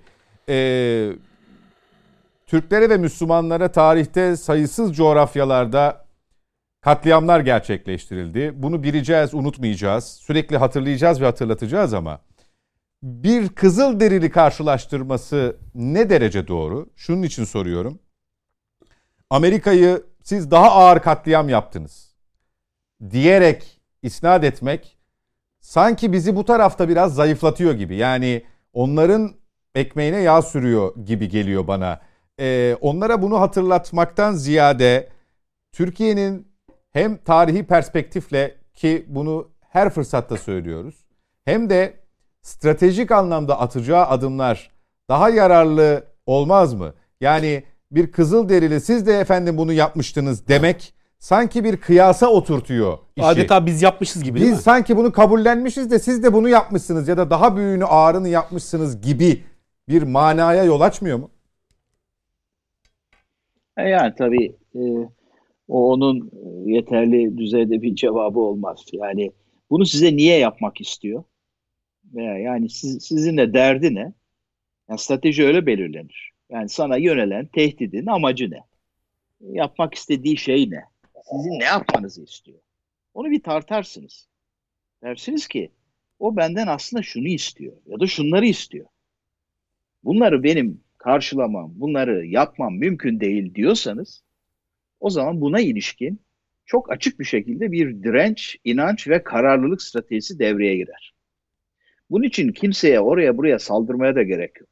Sizin sağlam olmanız, dirençli olmanız yeterli cevap anlamına gelir zaten. Şimdi ben bir süredir şöyle bir cümle kuruyorum hep. Diyorum ki Amerika'nın, daha doğrusu Türkiye'nin iç politikası Amerika'nın dış politikasıdır. Şimdi bütün mesele bizim içerimizdir. Bir daha altını çiziyorum. Ya işte e, Kızılderililere soykırım yaptıkları gerçeği. Canım yani o günden bugüne sıralayın bakayım kanlı tarihlerini. Bir milyon e, insanı katlettiler Irak'ta. Misket bombaları yağdırdılar demokrasi kılıfıyla. O açıdan şimdi o emperyalizmin eli kanlı tarihi, yüzleşmesi, sizin bu direncinizle, bu mücadelenizle de zaten giderek dalga dalga açığa çıkıyor. Biz mazlum milletlerin son kalesiyiz. 15 Temmuz o kale düşseydi, onların 21. yüzyıl için belirledikleri yeni sömürge düzeni çok daha kolay hayata geçecek. Bunun küçük bir cephesidir Doğu Akdeniz. Doğu Akdeniz'deki etrafında kümelenen ülkelere bakın. Nasıl Ya da sadece roller- bir cephesidir.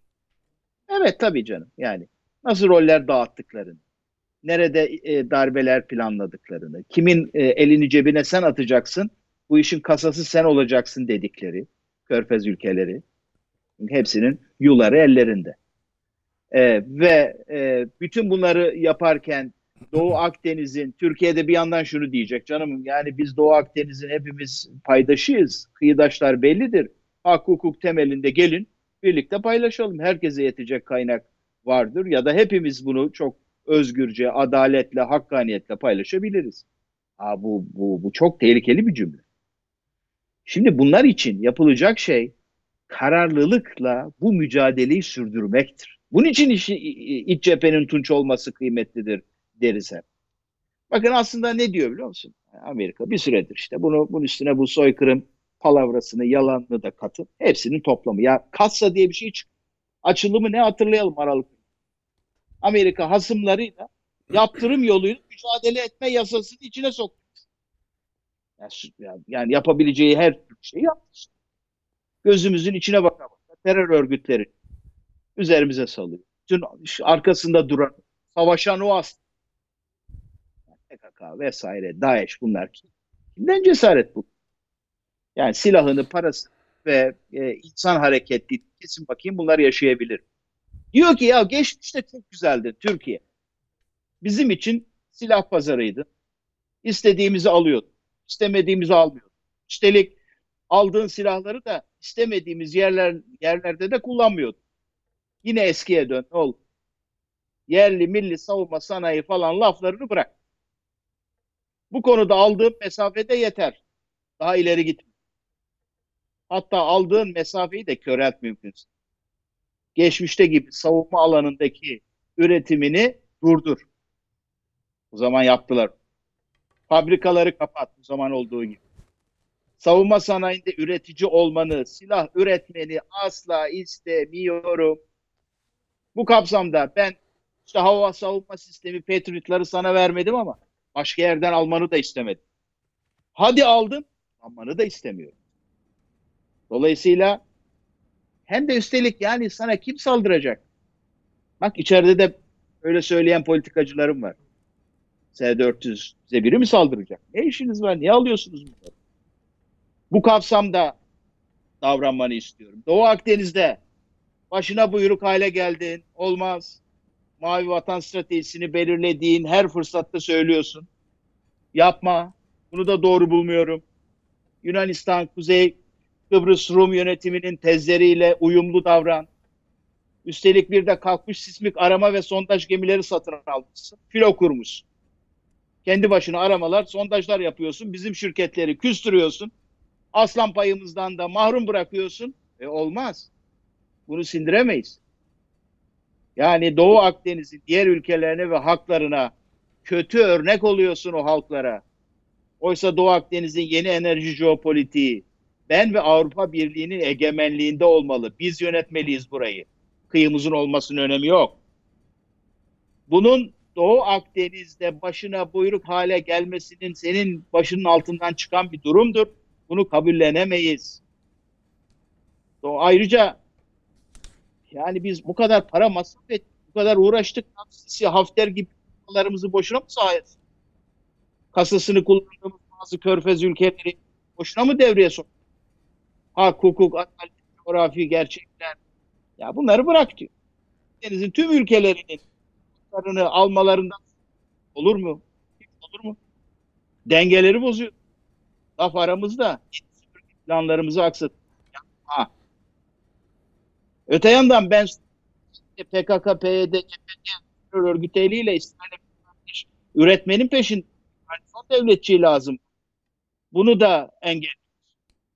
Terör örgütüne silah, üniforma, akıl, strateji ne gerekiyorsa bolca veriyorum. Bunu çok istiyorum. Bunu engelliyorsun yapma. İnatlaşma benimle. Razı ol buna. Ha bu arada 15 Temmuz sonrası direncin de arttı. Muhatap olduğumuz, ilişkide olduğumuz askerlerin darbe planlarını suya düşürdü. FETÖ'ye karşı amansız mücadeleye girişti. Bu mücadeleyi küresel düzeyde de yapmak istiyorsun.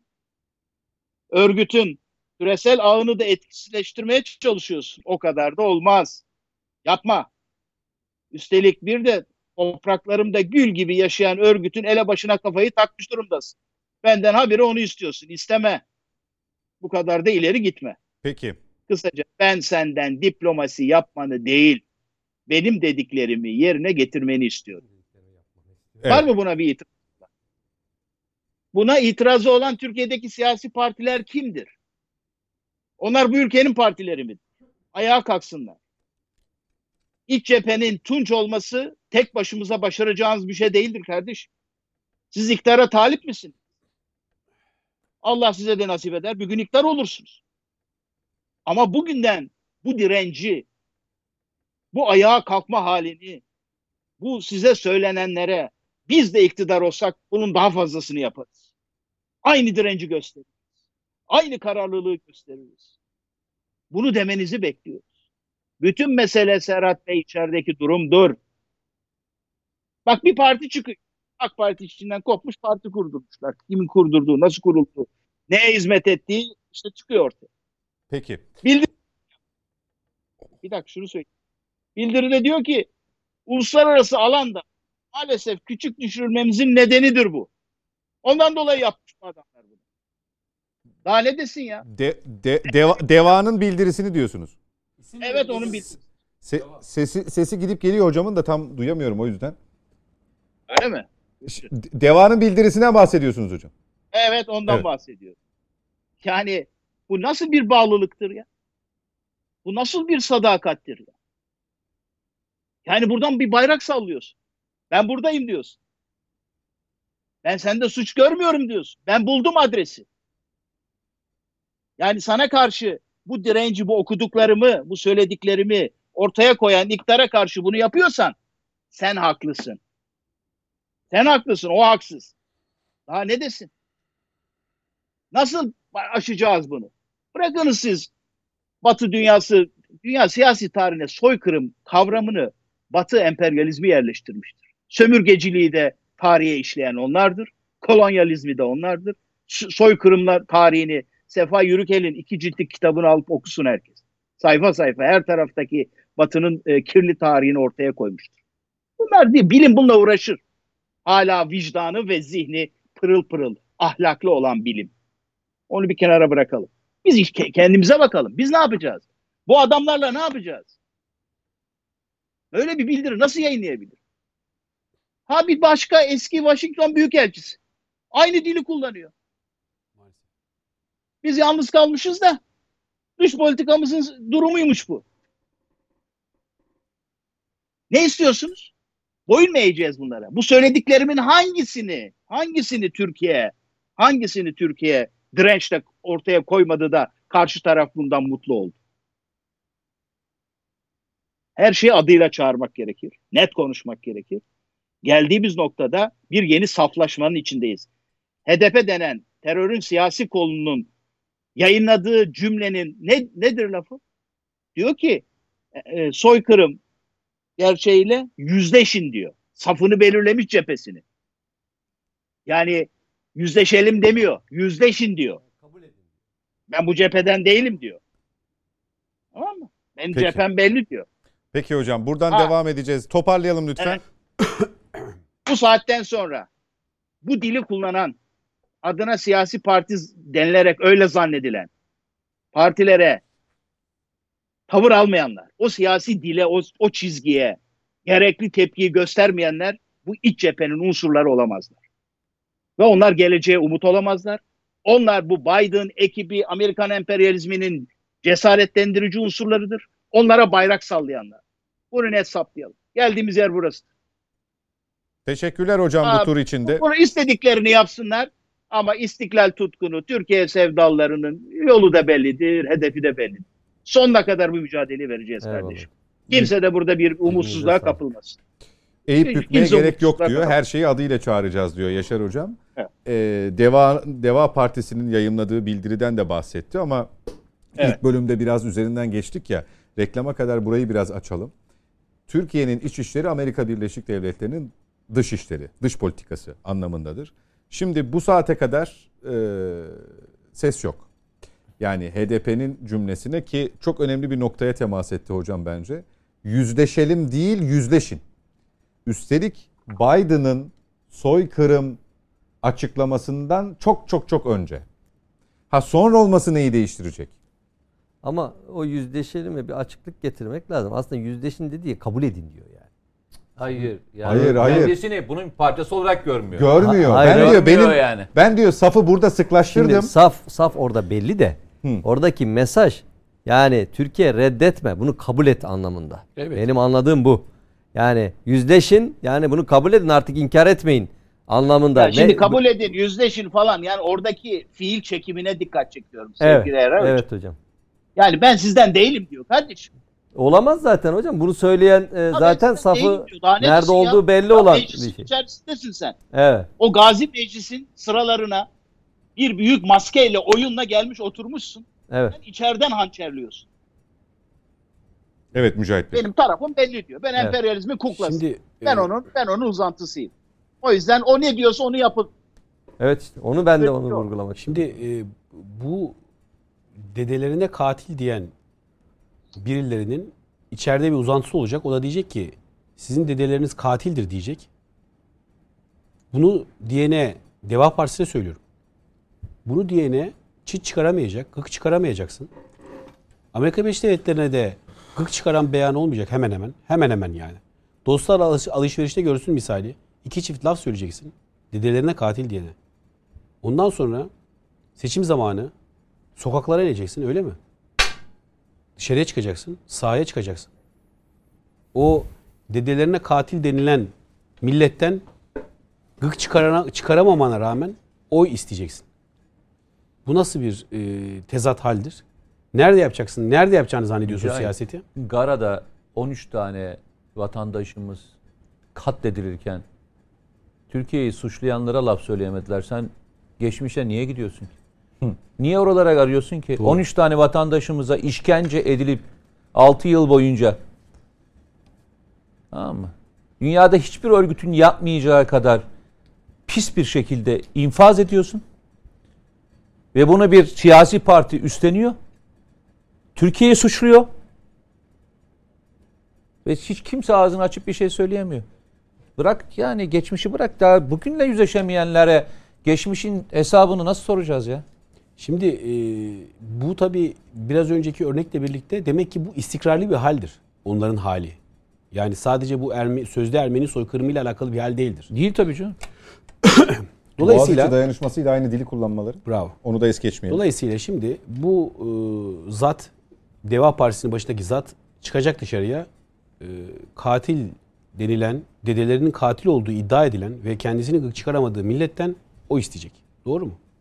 Şimdi bu millette bu millette e, bunlar sokağa çıktığında bunlar o istemek için sahaya indiklerinde gereken cevabı onlara verecekler. Çünkü milletimiz bakın milletimiz dedeleri konusunda, ecdadı konusunda hassastır bu e, bunun karşılığında bunun karşılığında işte hiçbir işte ekonomik ekonomik sıkıntılar bu Anadolu insanı çok çekmiştir bunu. Türk milleti çekmiştir bunu. Ondan sonra bir takım siyasi sıkıntılar, toplumsal hadiseler bunlar yaşanmıştır ama Türk milletinin hassasiyeti bir noktada çok ciddi hassasiyeti vardır. Bakın bu Anadolu toprakları var ya vatan dedikleri.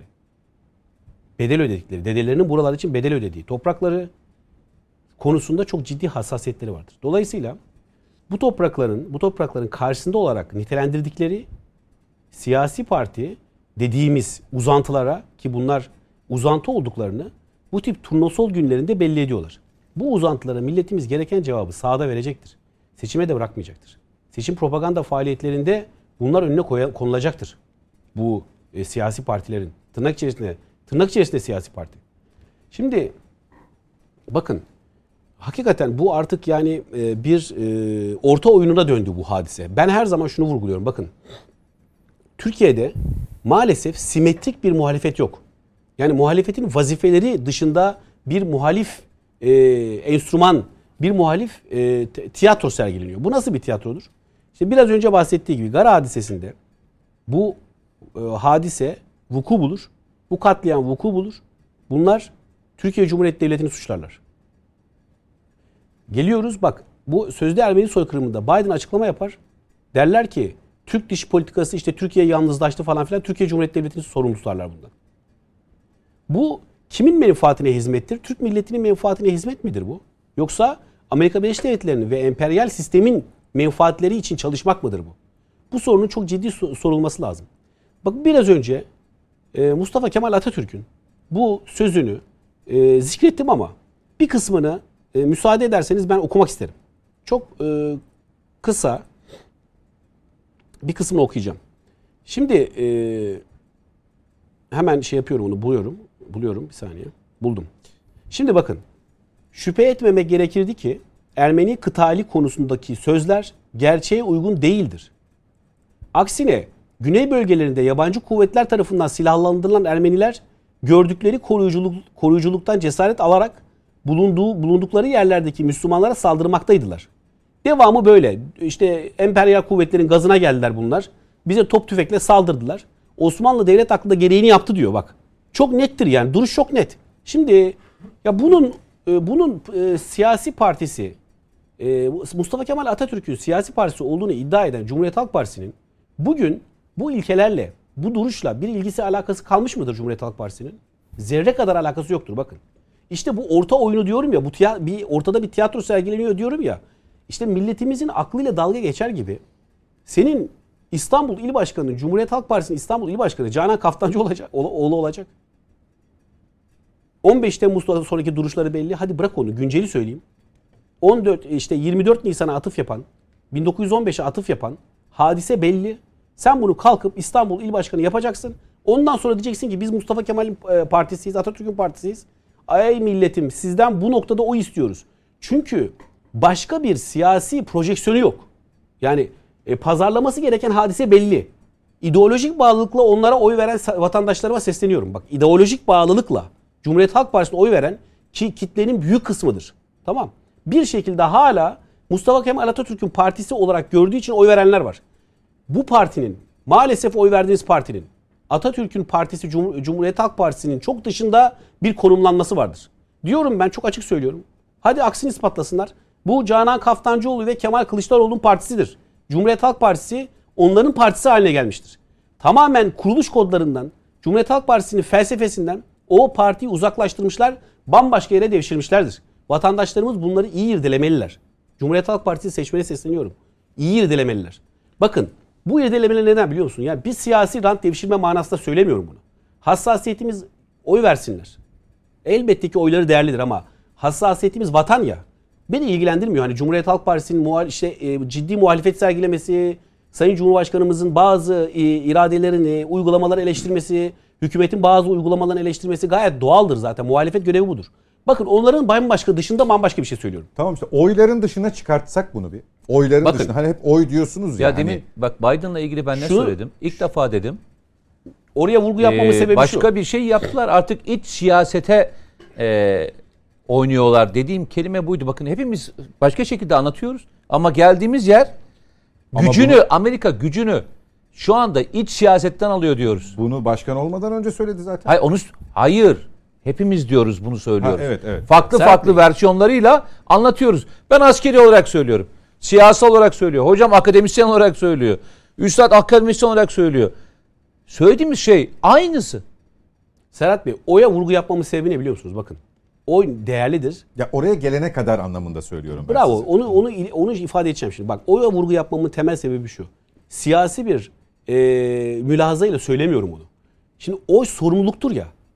Dolayısıyla bir insan oy kullanırken elbette Bireysel sorun. performansları, hükümetin performansını, muhalefetin performansını elbette ortaya koyar ama bir, bir şey daha ortaya koyar. Vatan, millet hassasiyeti ortaya koymak durumundadır. O noktada söylüyorum ben. O noktada söylüyorum. Bu partiyi değerlendirmeleri lazım. Bakın biraz önce okudum. Kurucunun beyanlarını okudum biraz önce. Ermeni meselesiyle alakalı. Beyanları çok nettir. Ama bu taraftan da bu savrulmayı görmeleri lazım. O iki beyanla Biden'ı kınamakla işte e, şey gibi hani kınıyorum kelimesi de kullanmamışlar da İngilizce metni okudum. E, garip bir kelime. E, işte Yanlış üzüntü verici, yanlış üzüntü buluyorlar verici, gibi daha düşük perdeden bir ifade kullanmışlar. Ya hadi onu da kabul edelim de bu Kaftancıoğlu'nu nereye koyacağız? Bu beyanı nereye koyacağız biz? Veya HDP'ye çıt çıkaramamayı, gıklarını çıkaramamalarını nereye koyacağız biz? Açıkça söylüyor işte Biden'dan daha kirli bir beyanı HDP'nin var. Ya gık çıkaramıyorsunuz ya. Bunun bir siyasi sorumluluğu yok mudur ya? Bu beyanın siyasette bir tezahürü olmaz mı? Türkiye'nin bir partisi devlet diyor bununla yüzleşmelidir diyor. Ben tarafımı belli ettim diyor. Sen de bu tarafa gel diyor. Ya burada bir beyan söylenmez mi? Bırak Cumhuriyet Halk Partisi'ni. Ey Meral Akşener. Kendini, kendini milliyetçi olarak ifade ediyorsun. Ya buna karşı tek çıtın çıkmaz mı senin? Neden çıtın çıkmaz? Çıkması lazım. İşte bunları milletimiz değerlendirecektir. Benim kanaatim. Peki Yani- ara vakti. Bir, şey mi ar- ekleyeceğim? bir şey ekleyeyim. Ee, bunları en güzel İlhan Selçuk yazmış zamanında. Halkı, Gardırop.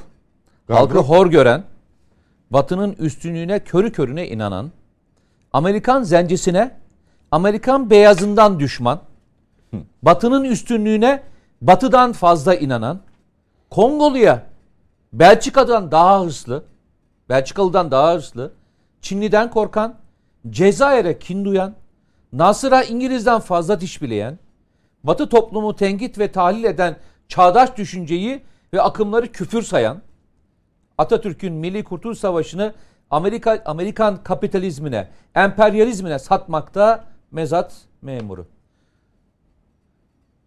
Yıl 1960'lar. Yani sonuç olarak Yıl 2021. Evet. Son- sonuç olarak iç içeride Ya. tunçtan da öte çelik bir hale gelmemiz gerekiyor. Çünkü gerçekten makro baktığınızda küresel sisteme e, bizi istikrarsızlaştırmak için her türlü şekilde her türlü oyun oynanıyor ve bir cümle söyleyeyim burada. Dünyada özellikle sosyal medya üzerinden algı operasyonlarına maruz en yoğun maruz kalan ülkelerden biriyiz. Evet. Peki. Ama bu siyasi partilerle al- tunç falan olunmaz. çizerim. Bakın Yani. bu siyasi parti benzeri kuruluşlarla tur, tunç falan olunmaz. Neyle tunç olunur biliyor musunuz? Milletimizle. Halkla tunç Bu olacaksınız. Çanakkale ruhuyla. Aynen bravo. Peki. Ara vakti reklama gidiyoruz. Dönüşte yavaş yavaş toparlayacağız efendim.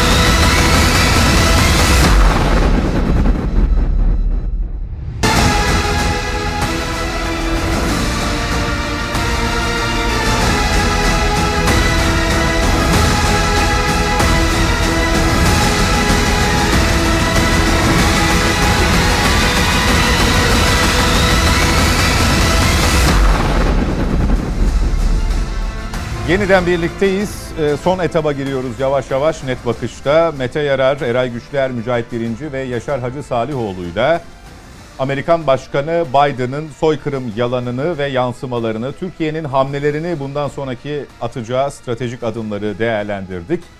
Bu soykırım ifadesinden önce akşam saatlerinde bizim saate göre gelmişti bu açıklama. Gün öncesinden de Dışişleri Bakanlığı'nın suflesi söz konusuydu Amerikan Dışişleri Bakanlığı'nın. O günde cumartesi yani eee, Irak'ın kuzeyinde bir operasyon daha doğrusu yeni bir operasyondan söz etmiyoruz. Bir operasyonun devamı niteliğinde ama güçlü hem havadan hem karadan bir operasyon. Pençe Şimşek ve Pençe Yıldırım operasyonları. Şimdi onları yorumlayacağız eee, konuklarımla beraber. Ne oldu bölgede tam olarak onu anlatmakta eee, fayda var. Zira çok sayıda terörist etkisiz hale getirildi. Milli Savunma Bakanlığı'nın açıklaması o şekilde. Bugün e, hem bakanlık hem Sayın Cumhurbaşkanı kabine toplantısından sonra iki şehidimizin e, olduğunu duyurdu kamuoyuna maalesef. Bir kez daha rahmet diliyoruz. Kederli ailelerine başsağlığı ve sabır temennisinde bulunuyoruz.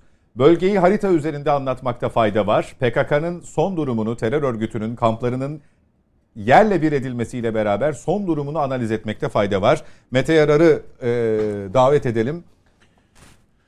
Bu Evet. harita etrafında e, anlatmakta dediğiniz Önce gibi yarar şöyle var. başlayalım. E, son güncel haritadır bu. Evet. E, operasyonları Pençe Şimşek ve Pençe Yıldırım operasyonlarının hedeflerini gösterir bir harita. Şöyle Dinliyoruz söyleyelim. Yarar.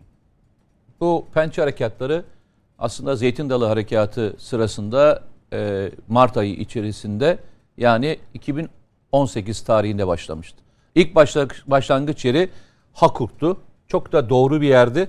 Çünkü örgütün ana nüvelerinin olduğu, kaçakçılık gelirinin elde edildiği, geçiş güzergahların olduğu bir yerdi.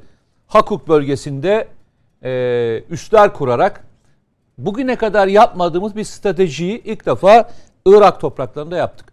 Şunu söyleyenler olabilir. Daha önce sınır ötesi operasyonunu yaptık. Tabii ki yaptık.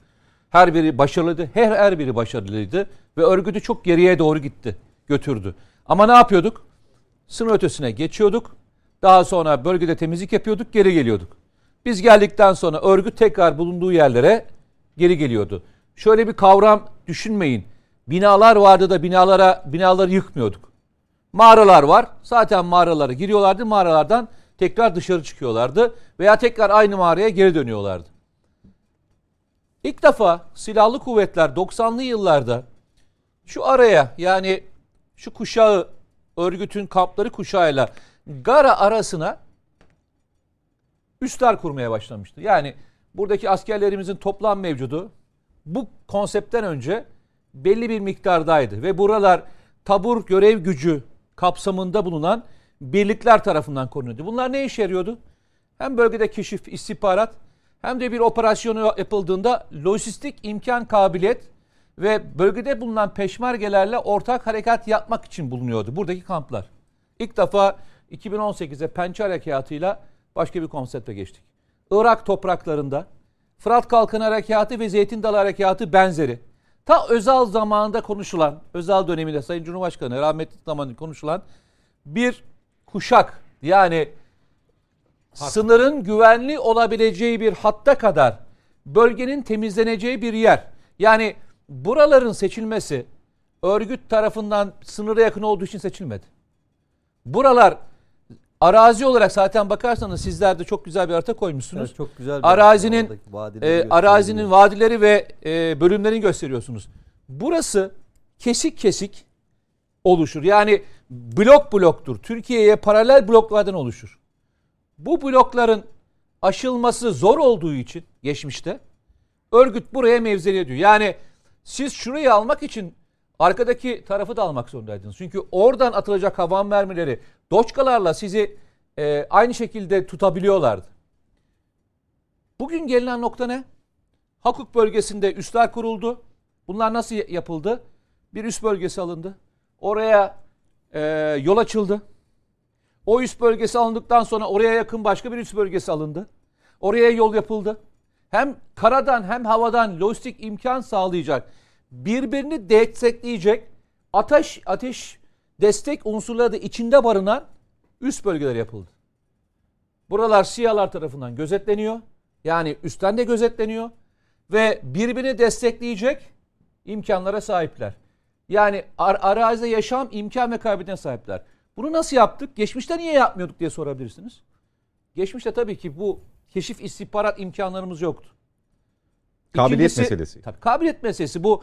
Daha önce kabiliyetsiz anlamında yok. Teknoloji, değişti. Teknoloji yoktu. Teknoloji anlamında değişim var. İkincisi Türkiye'nin İstihbarat. Türkiye'nin sınır içerisinde operasyon yapma özelliği değiştiği için buraya yapabildik. Bizim bu komando birlikleri geçmişte sınır içinde operasyon yapardı. Çünkü geçmişte sınır içerisindeki terörist sayısı 3000'ler civarındaydı. Bu birlikler içeride operasyon yapardı. Şimdi ne oldu? Jandarmanın yaklaşık 130'a yakın, şey daha iyi bilir. Kardeşim daha iyi bir jandarma olarak. 130'a yakın jandarma özel harekat taburu ve komando taburu var. Bunlar artık kendi operasyonları polis özel harekatla beraber yapıyorlar. Yani silahlı kuvvetlerin ihtiyacı yok. Yani benim komando birliklerim artık sınır ötesine gidebiliyorlar. Bütün halinde diyebilir miyiz? Bütün olarak Yani ayrıştırmadan. Evet. Tabii. İki, belki önemli şeylerden bir tanesi. Milli İstihbarat Teşkilatı'nın dış operasyon yapma yetkisini aldığı andan itibaren 2014'ten beri dışarıda kendi başına e, istihbarat toplama, hedef tespit etme ve yok etme imkanı sağlandı. Artık o da yapıyor. Yani bugünlerde gördüğünüz o bütün terör elebaşlarının üst seviyesinin e, etkisiz hale getirilmesinin sebeplerinden bir tanesi 2014'teki bu büyük değişikliktir. MİT'e dış, Dış operasyon operasyon, yetkisi. yapma yetkisini verilmesidir. Şimdi burayı yaptık. Daha sonra ne oldu? Aynı zamanda aynı dönemde ZAP bölgesinde küçük bir bölüm daha e, etkisiz hale getirdi. Yani burası da e, üstler kuruldu. Sonra Suriye sınırından başlayarak bu bölgeye doğru yani doğuya doğru ve Hakuk bölgesinden de batıya doğru bir sıkıştırma operasyonları başladı. İşte Sinat, Haftenin diye başladı. Yukarıdan aşağı doğru üst bölgeler aşağı doğru inmeye başladı. Şu anda Haftenin bölgesi, Sinat bölgesi neredeyse terör örgütünden tamamen arındırılmış, arındırılmış durumda. Şimdi sıra Metina'ya, Metina bölgesine, Avaşin Basyan'a geldi. Şimdi iki, yani bunun üçüncü safhasındayız. Zaten farkındaysanız Pençe, Pençe Kaplan, şimdi ne? Pençe Şimşek, Pençe Yıldırım. Yıldırım. Yani bir tanesi muhtemelen Metina bölgesinin operasyon kodu, muhtemelen diğeri de Avaşin Basyon'un kodudur. İkiye ayrılmış şekilde bu operasyonlar icra edilecek. Son hamle ne olacak? ZAP bölgesi de temizlendiği andan itibaren Türkiye aynı Suriye sınırında olduğu gibi güvenli bir şeritle oluşturulmuş olacak. O zaman geriye iki tane yer kalıyor. Sincar ve Kandil. Gara, kaldı. Gara'dan sonra Sincar o kadar büyük bir hedef değil arkadaşlar. Sincar zor bir hedef değil. Sincar o kadar gözünüze büyütmeyin. Olarak evet. Gara arkasından Kandil'in de şeyi psikolojik e, Bertarafı. bölümü, bertaraf edilmesi. Şu anda adım adım gidilen ve stratejisi oluşturulmuş. Buna göre birlik tahsisleri yapılmış. Birliklerin dönüşümleri sağlanmış bir plan yapıyor.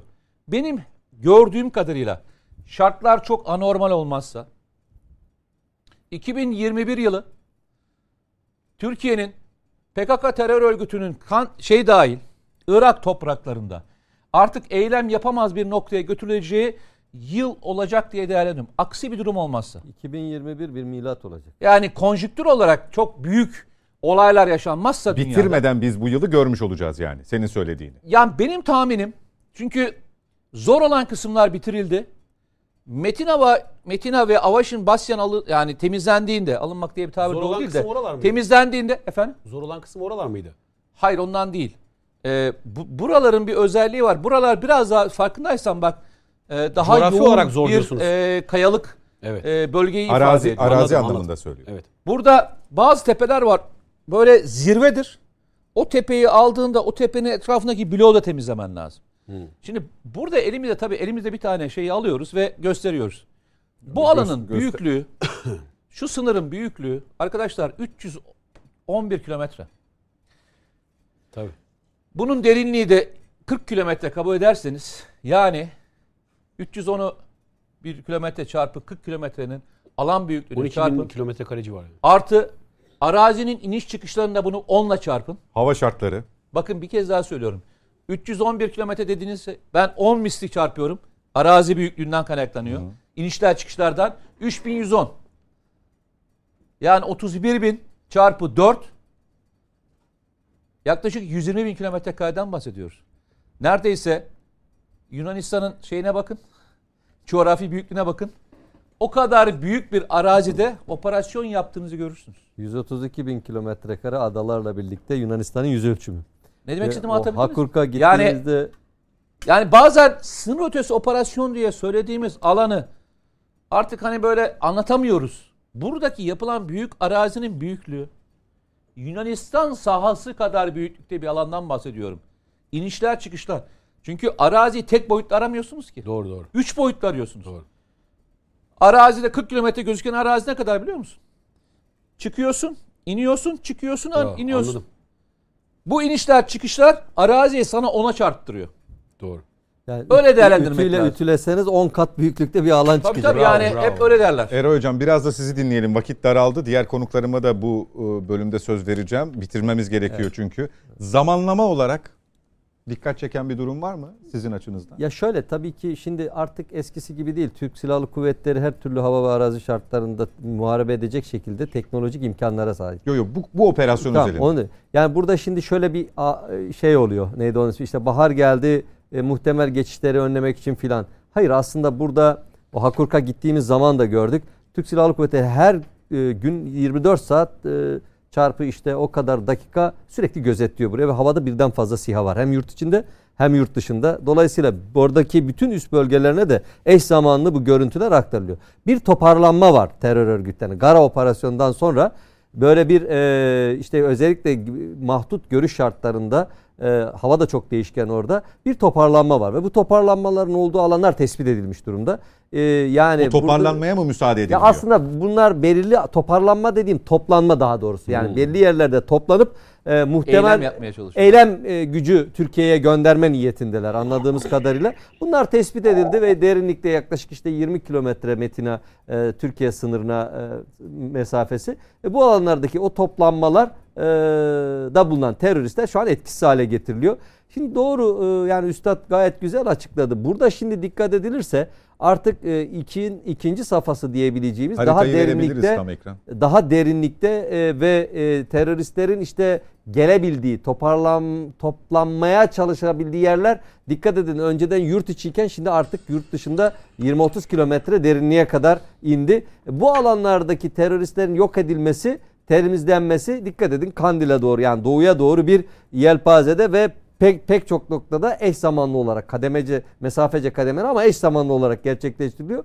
Şimdi daha da önemlisi Şimdi bu içerideki kalan o artık aparat durumundaki 200 civarında terörist var ya toplam Doğu ve Güneydoğu Anadolu bölge 22 ildeki toplam sayı yani bu. Evet. Ee, bunların çok büyük bir beklentisi vardı. Bunlar hayatta kalabilmesi için e, bu eylem gruplarına ve lojistik desteğe ihtiyaç duyuyorlardı. Şimdi artık bunlar da bakın göreceksiniz bu yaz dönemine doğru girilirken içerideki hem teslim olmalar hem de etkisiz hale getirilen terörist sayılarında da artış göreceğiz. Çünkü birbiriyle e, koordineli olarak içeride de gene benzer operasyonlar yürütülüyor. Dolayısıyla şunu söyleyebiliriz. Ben iki şey söyleme. Bir, bu bölgeden özellikle Gara operasyonu çok önemli bir operasyondu. Gara kara bağlantısı olmadan derinlikte müstakil operasyon yapabilme kabiliyetini dünyaya göstermesi bakımından çok önemliydi. Kara bağlantısı olmadan derinlikte birlik atıp Doğru. ve dikkat edin hani ne zaman indi mesela Metin'e bu birlikte gece şartlarında. Doğru. Yani şimdi Hava e, hücum üstad e, hava hücum şeklinde e, uçar birlik yani taarruz helikopterleri zannediyorum kar, desteğinde kar, e, kar ortamıydı galiba doğru mu? Yani- Aslında ben bir şey söyleyeyim mi? Biz karı tercih ederiz. Ha. Çok derin olmamak kaydıyla. Yani Bir şimdi miktar zirvelerde. EYP'den dolayı daha tercihimizdir. Anladım. Evet, şimdi o Hakurka bir ay kadar önce Hakurka gitmiştim.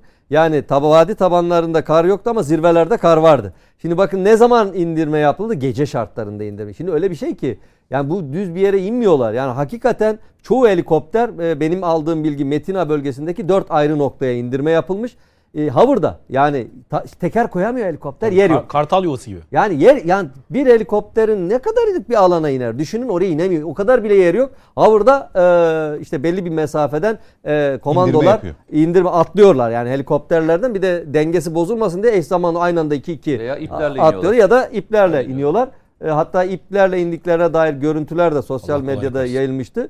E, dolayısıyla bu çok önemli. Burada e, ikinci böyle garadan sonra bağımsız, karadan bağımsız operasyon tekniğini şimdi tekrar Sil- Silahlı. Kuvvetleri pek çok yerde uygulamaya başladı. Yani buradan demin de söyledim artık PKK'nın tasfiyesi söz konusu. Yani artık burada PKK tutunamayacak. dönüşü yok. Evet geri dönüşü yok. Yurt içindekiler de artık e, geçmiş olsun ya teslim olacaklar ya etkisiz hale Tahliye getirecekler. bakın. Dolayısıyla Tahliye. Dolayısıyla burada artık terörizmin Türkiye'ye yönelik tehdit olma özelliği en azından yakın tehdit olma özelliği ortadan kalkıyor. Peki Yaşar Hocam bir dakikada e, Çok Pençe verdiniz. Şimşek ve Çok Pençe verdin Yıldırım hocam. operasyonları. Çok verdin Uzakta hocam. olmanın dezavantajı. Aşk, aşk olsun yani. O kadar uzak Hocam değil. borcum olsun. Rica ederim.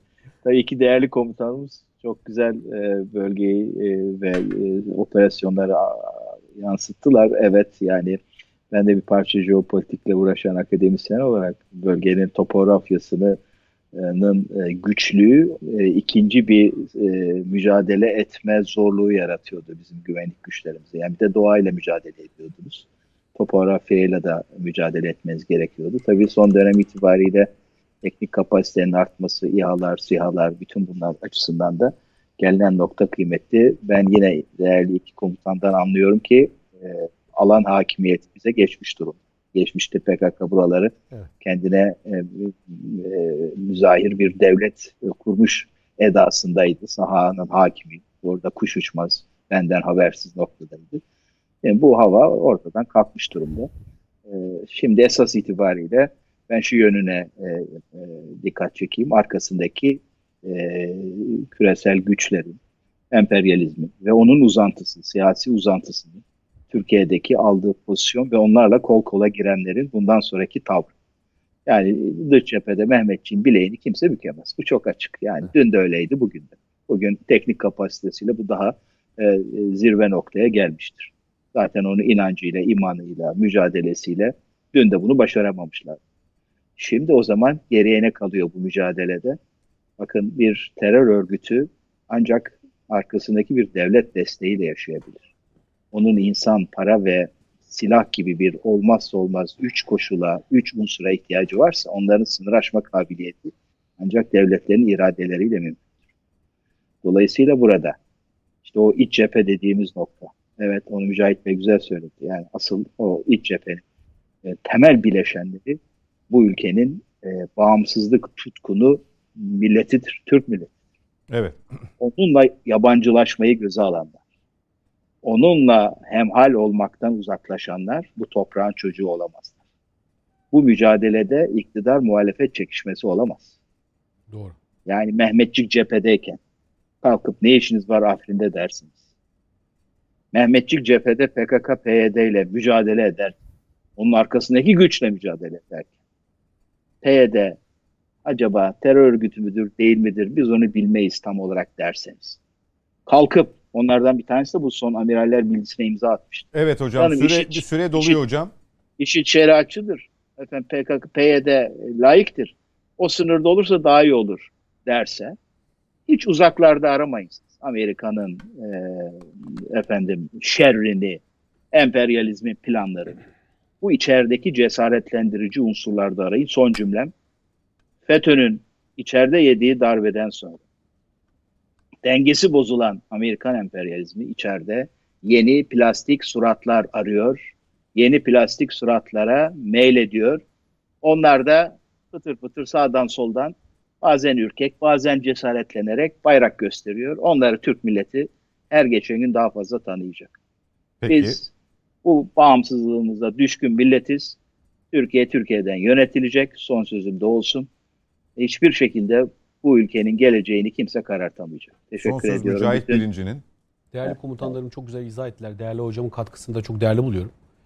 Ee, burada tabii e, ben öncelikle Mehmetçiklerimizin ayaklarına taş değmemesi için dua ediyorum. Hep beraber dua ediyoruz. Allah e, rahmet eylesin şehitlerimize. Yaralılarımıza acil şifalar diliyoruz. E, ailelerine başsağlığı diliyoruz şehitlerimizin.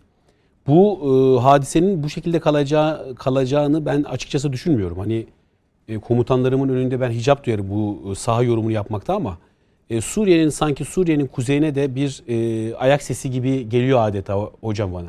Doğru mu Final, düşünüyorum? finali Suriye'de yapacağız. Finali Suriye'de yapacağız inşallah. Orada faturanın altını kesmemiz gereken bir fatura var. Onun altını Türkiye Cumhuriyeti Devleti ve Türk Silahlı Kuvvetleri bir hakkın kesecektir faturanın altını inşallah. Peki. Çok teşekkür ediyorum katıldığınız için değerli Teşekkür konuklarıma. Ee, teşekkür Yaşar Hocam sağ olunuz. Ee, değerli yorumlarınız için Net Bakış'ta geçmiş olsun. Bizi yalnız bırakmadığınız çok için tekrar geçmiş olsun. Ee, bir an önce sizi stüdyoda ağırlayacağımız günleri iple çekiyoruz. Onu da belirtmiş olalım. İnşallah. Önümüzdeki hafta pazartesi yeni bir net bakışta görüşmek üzere efendim. Hoşçakalın.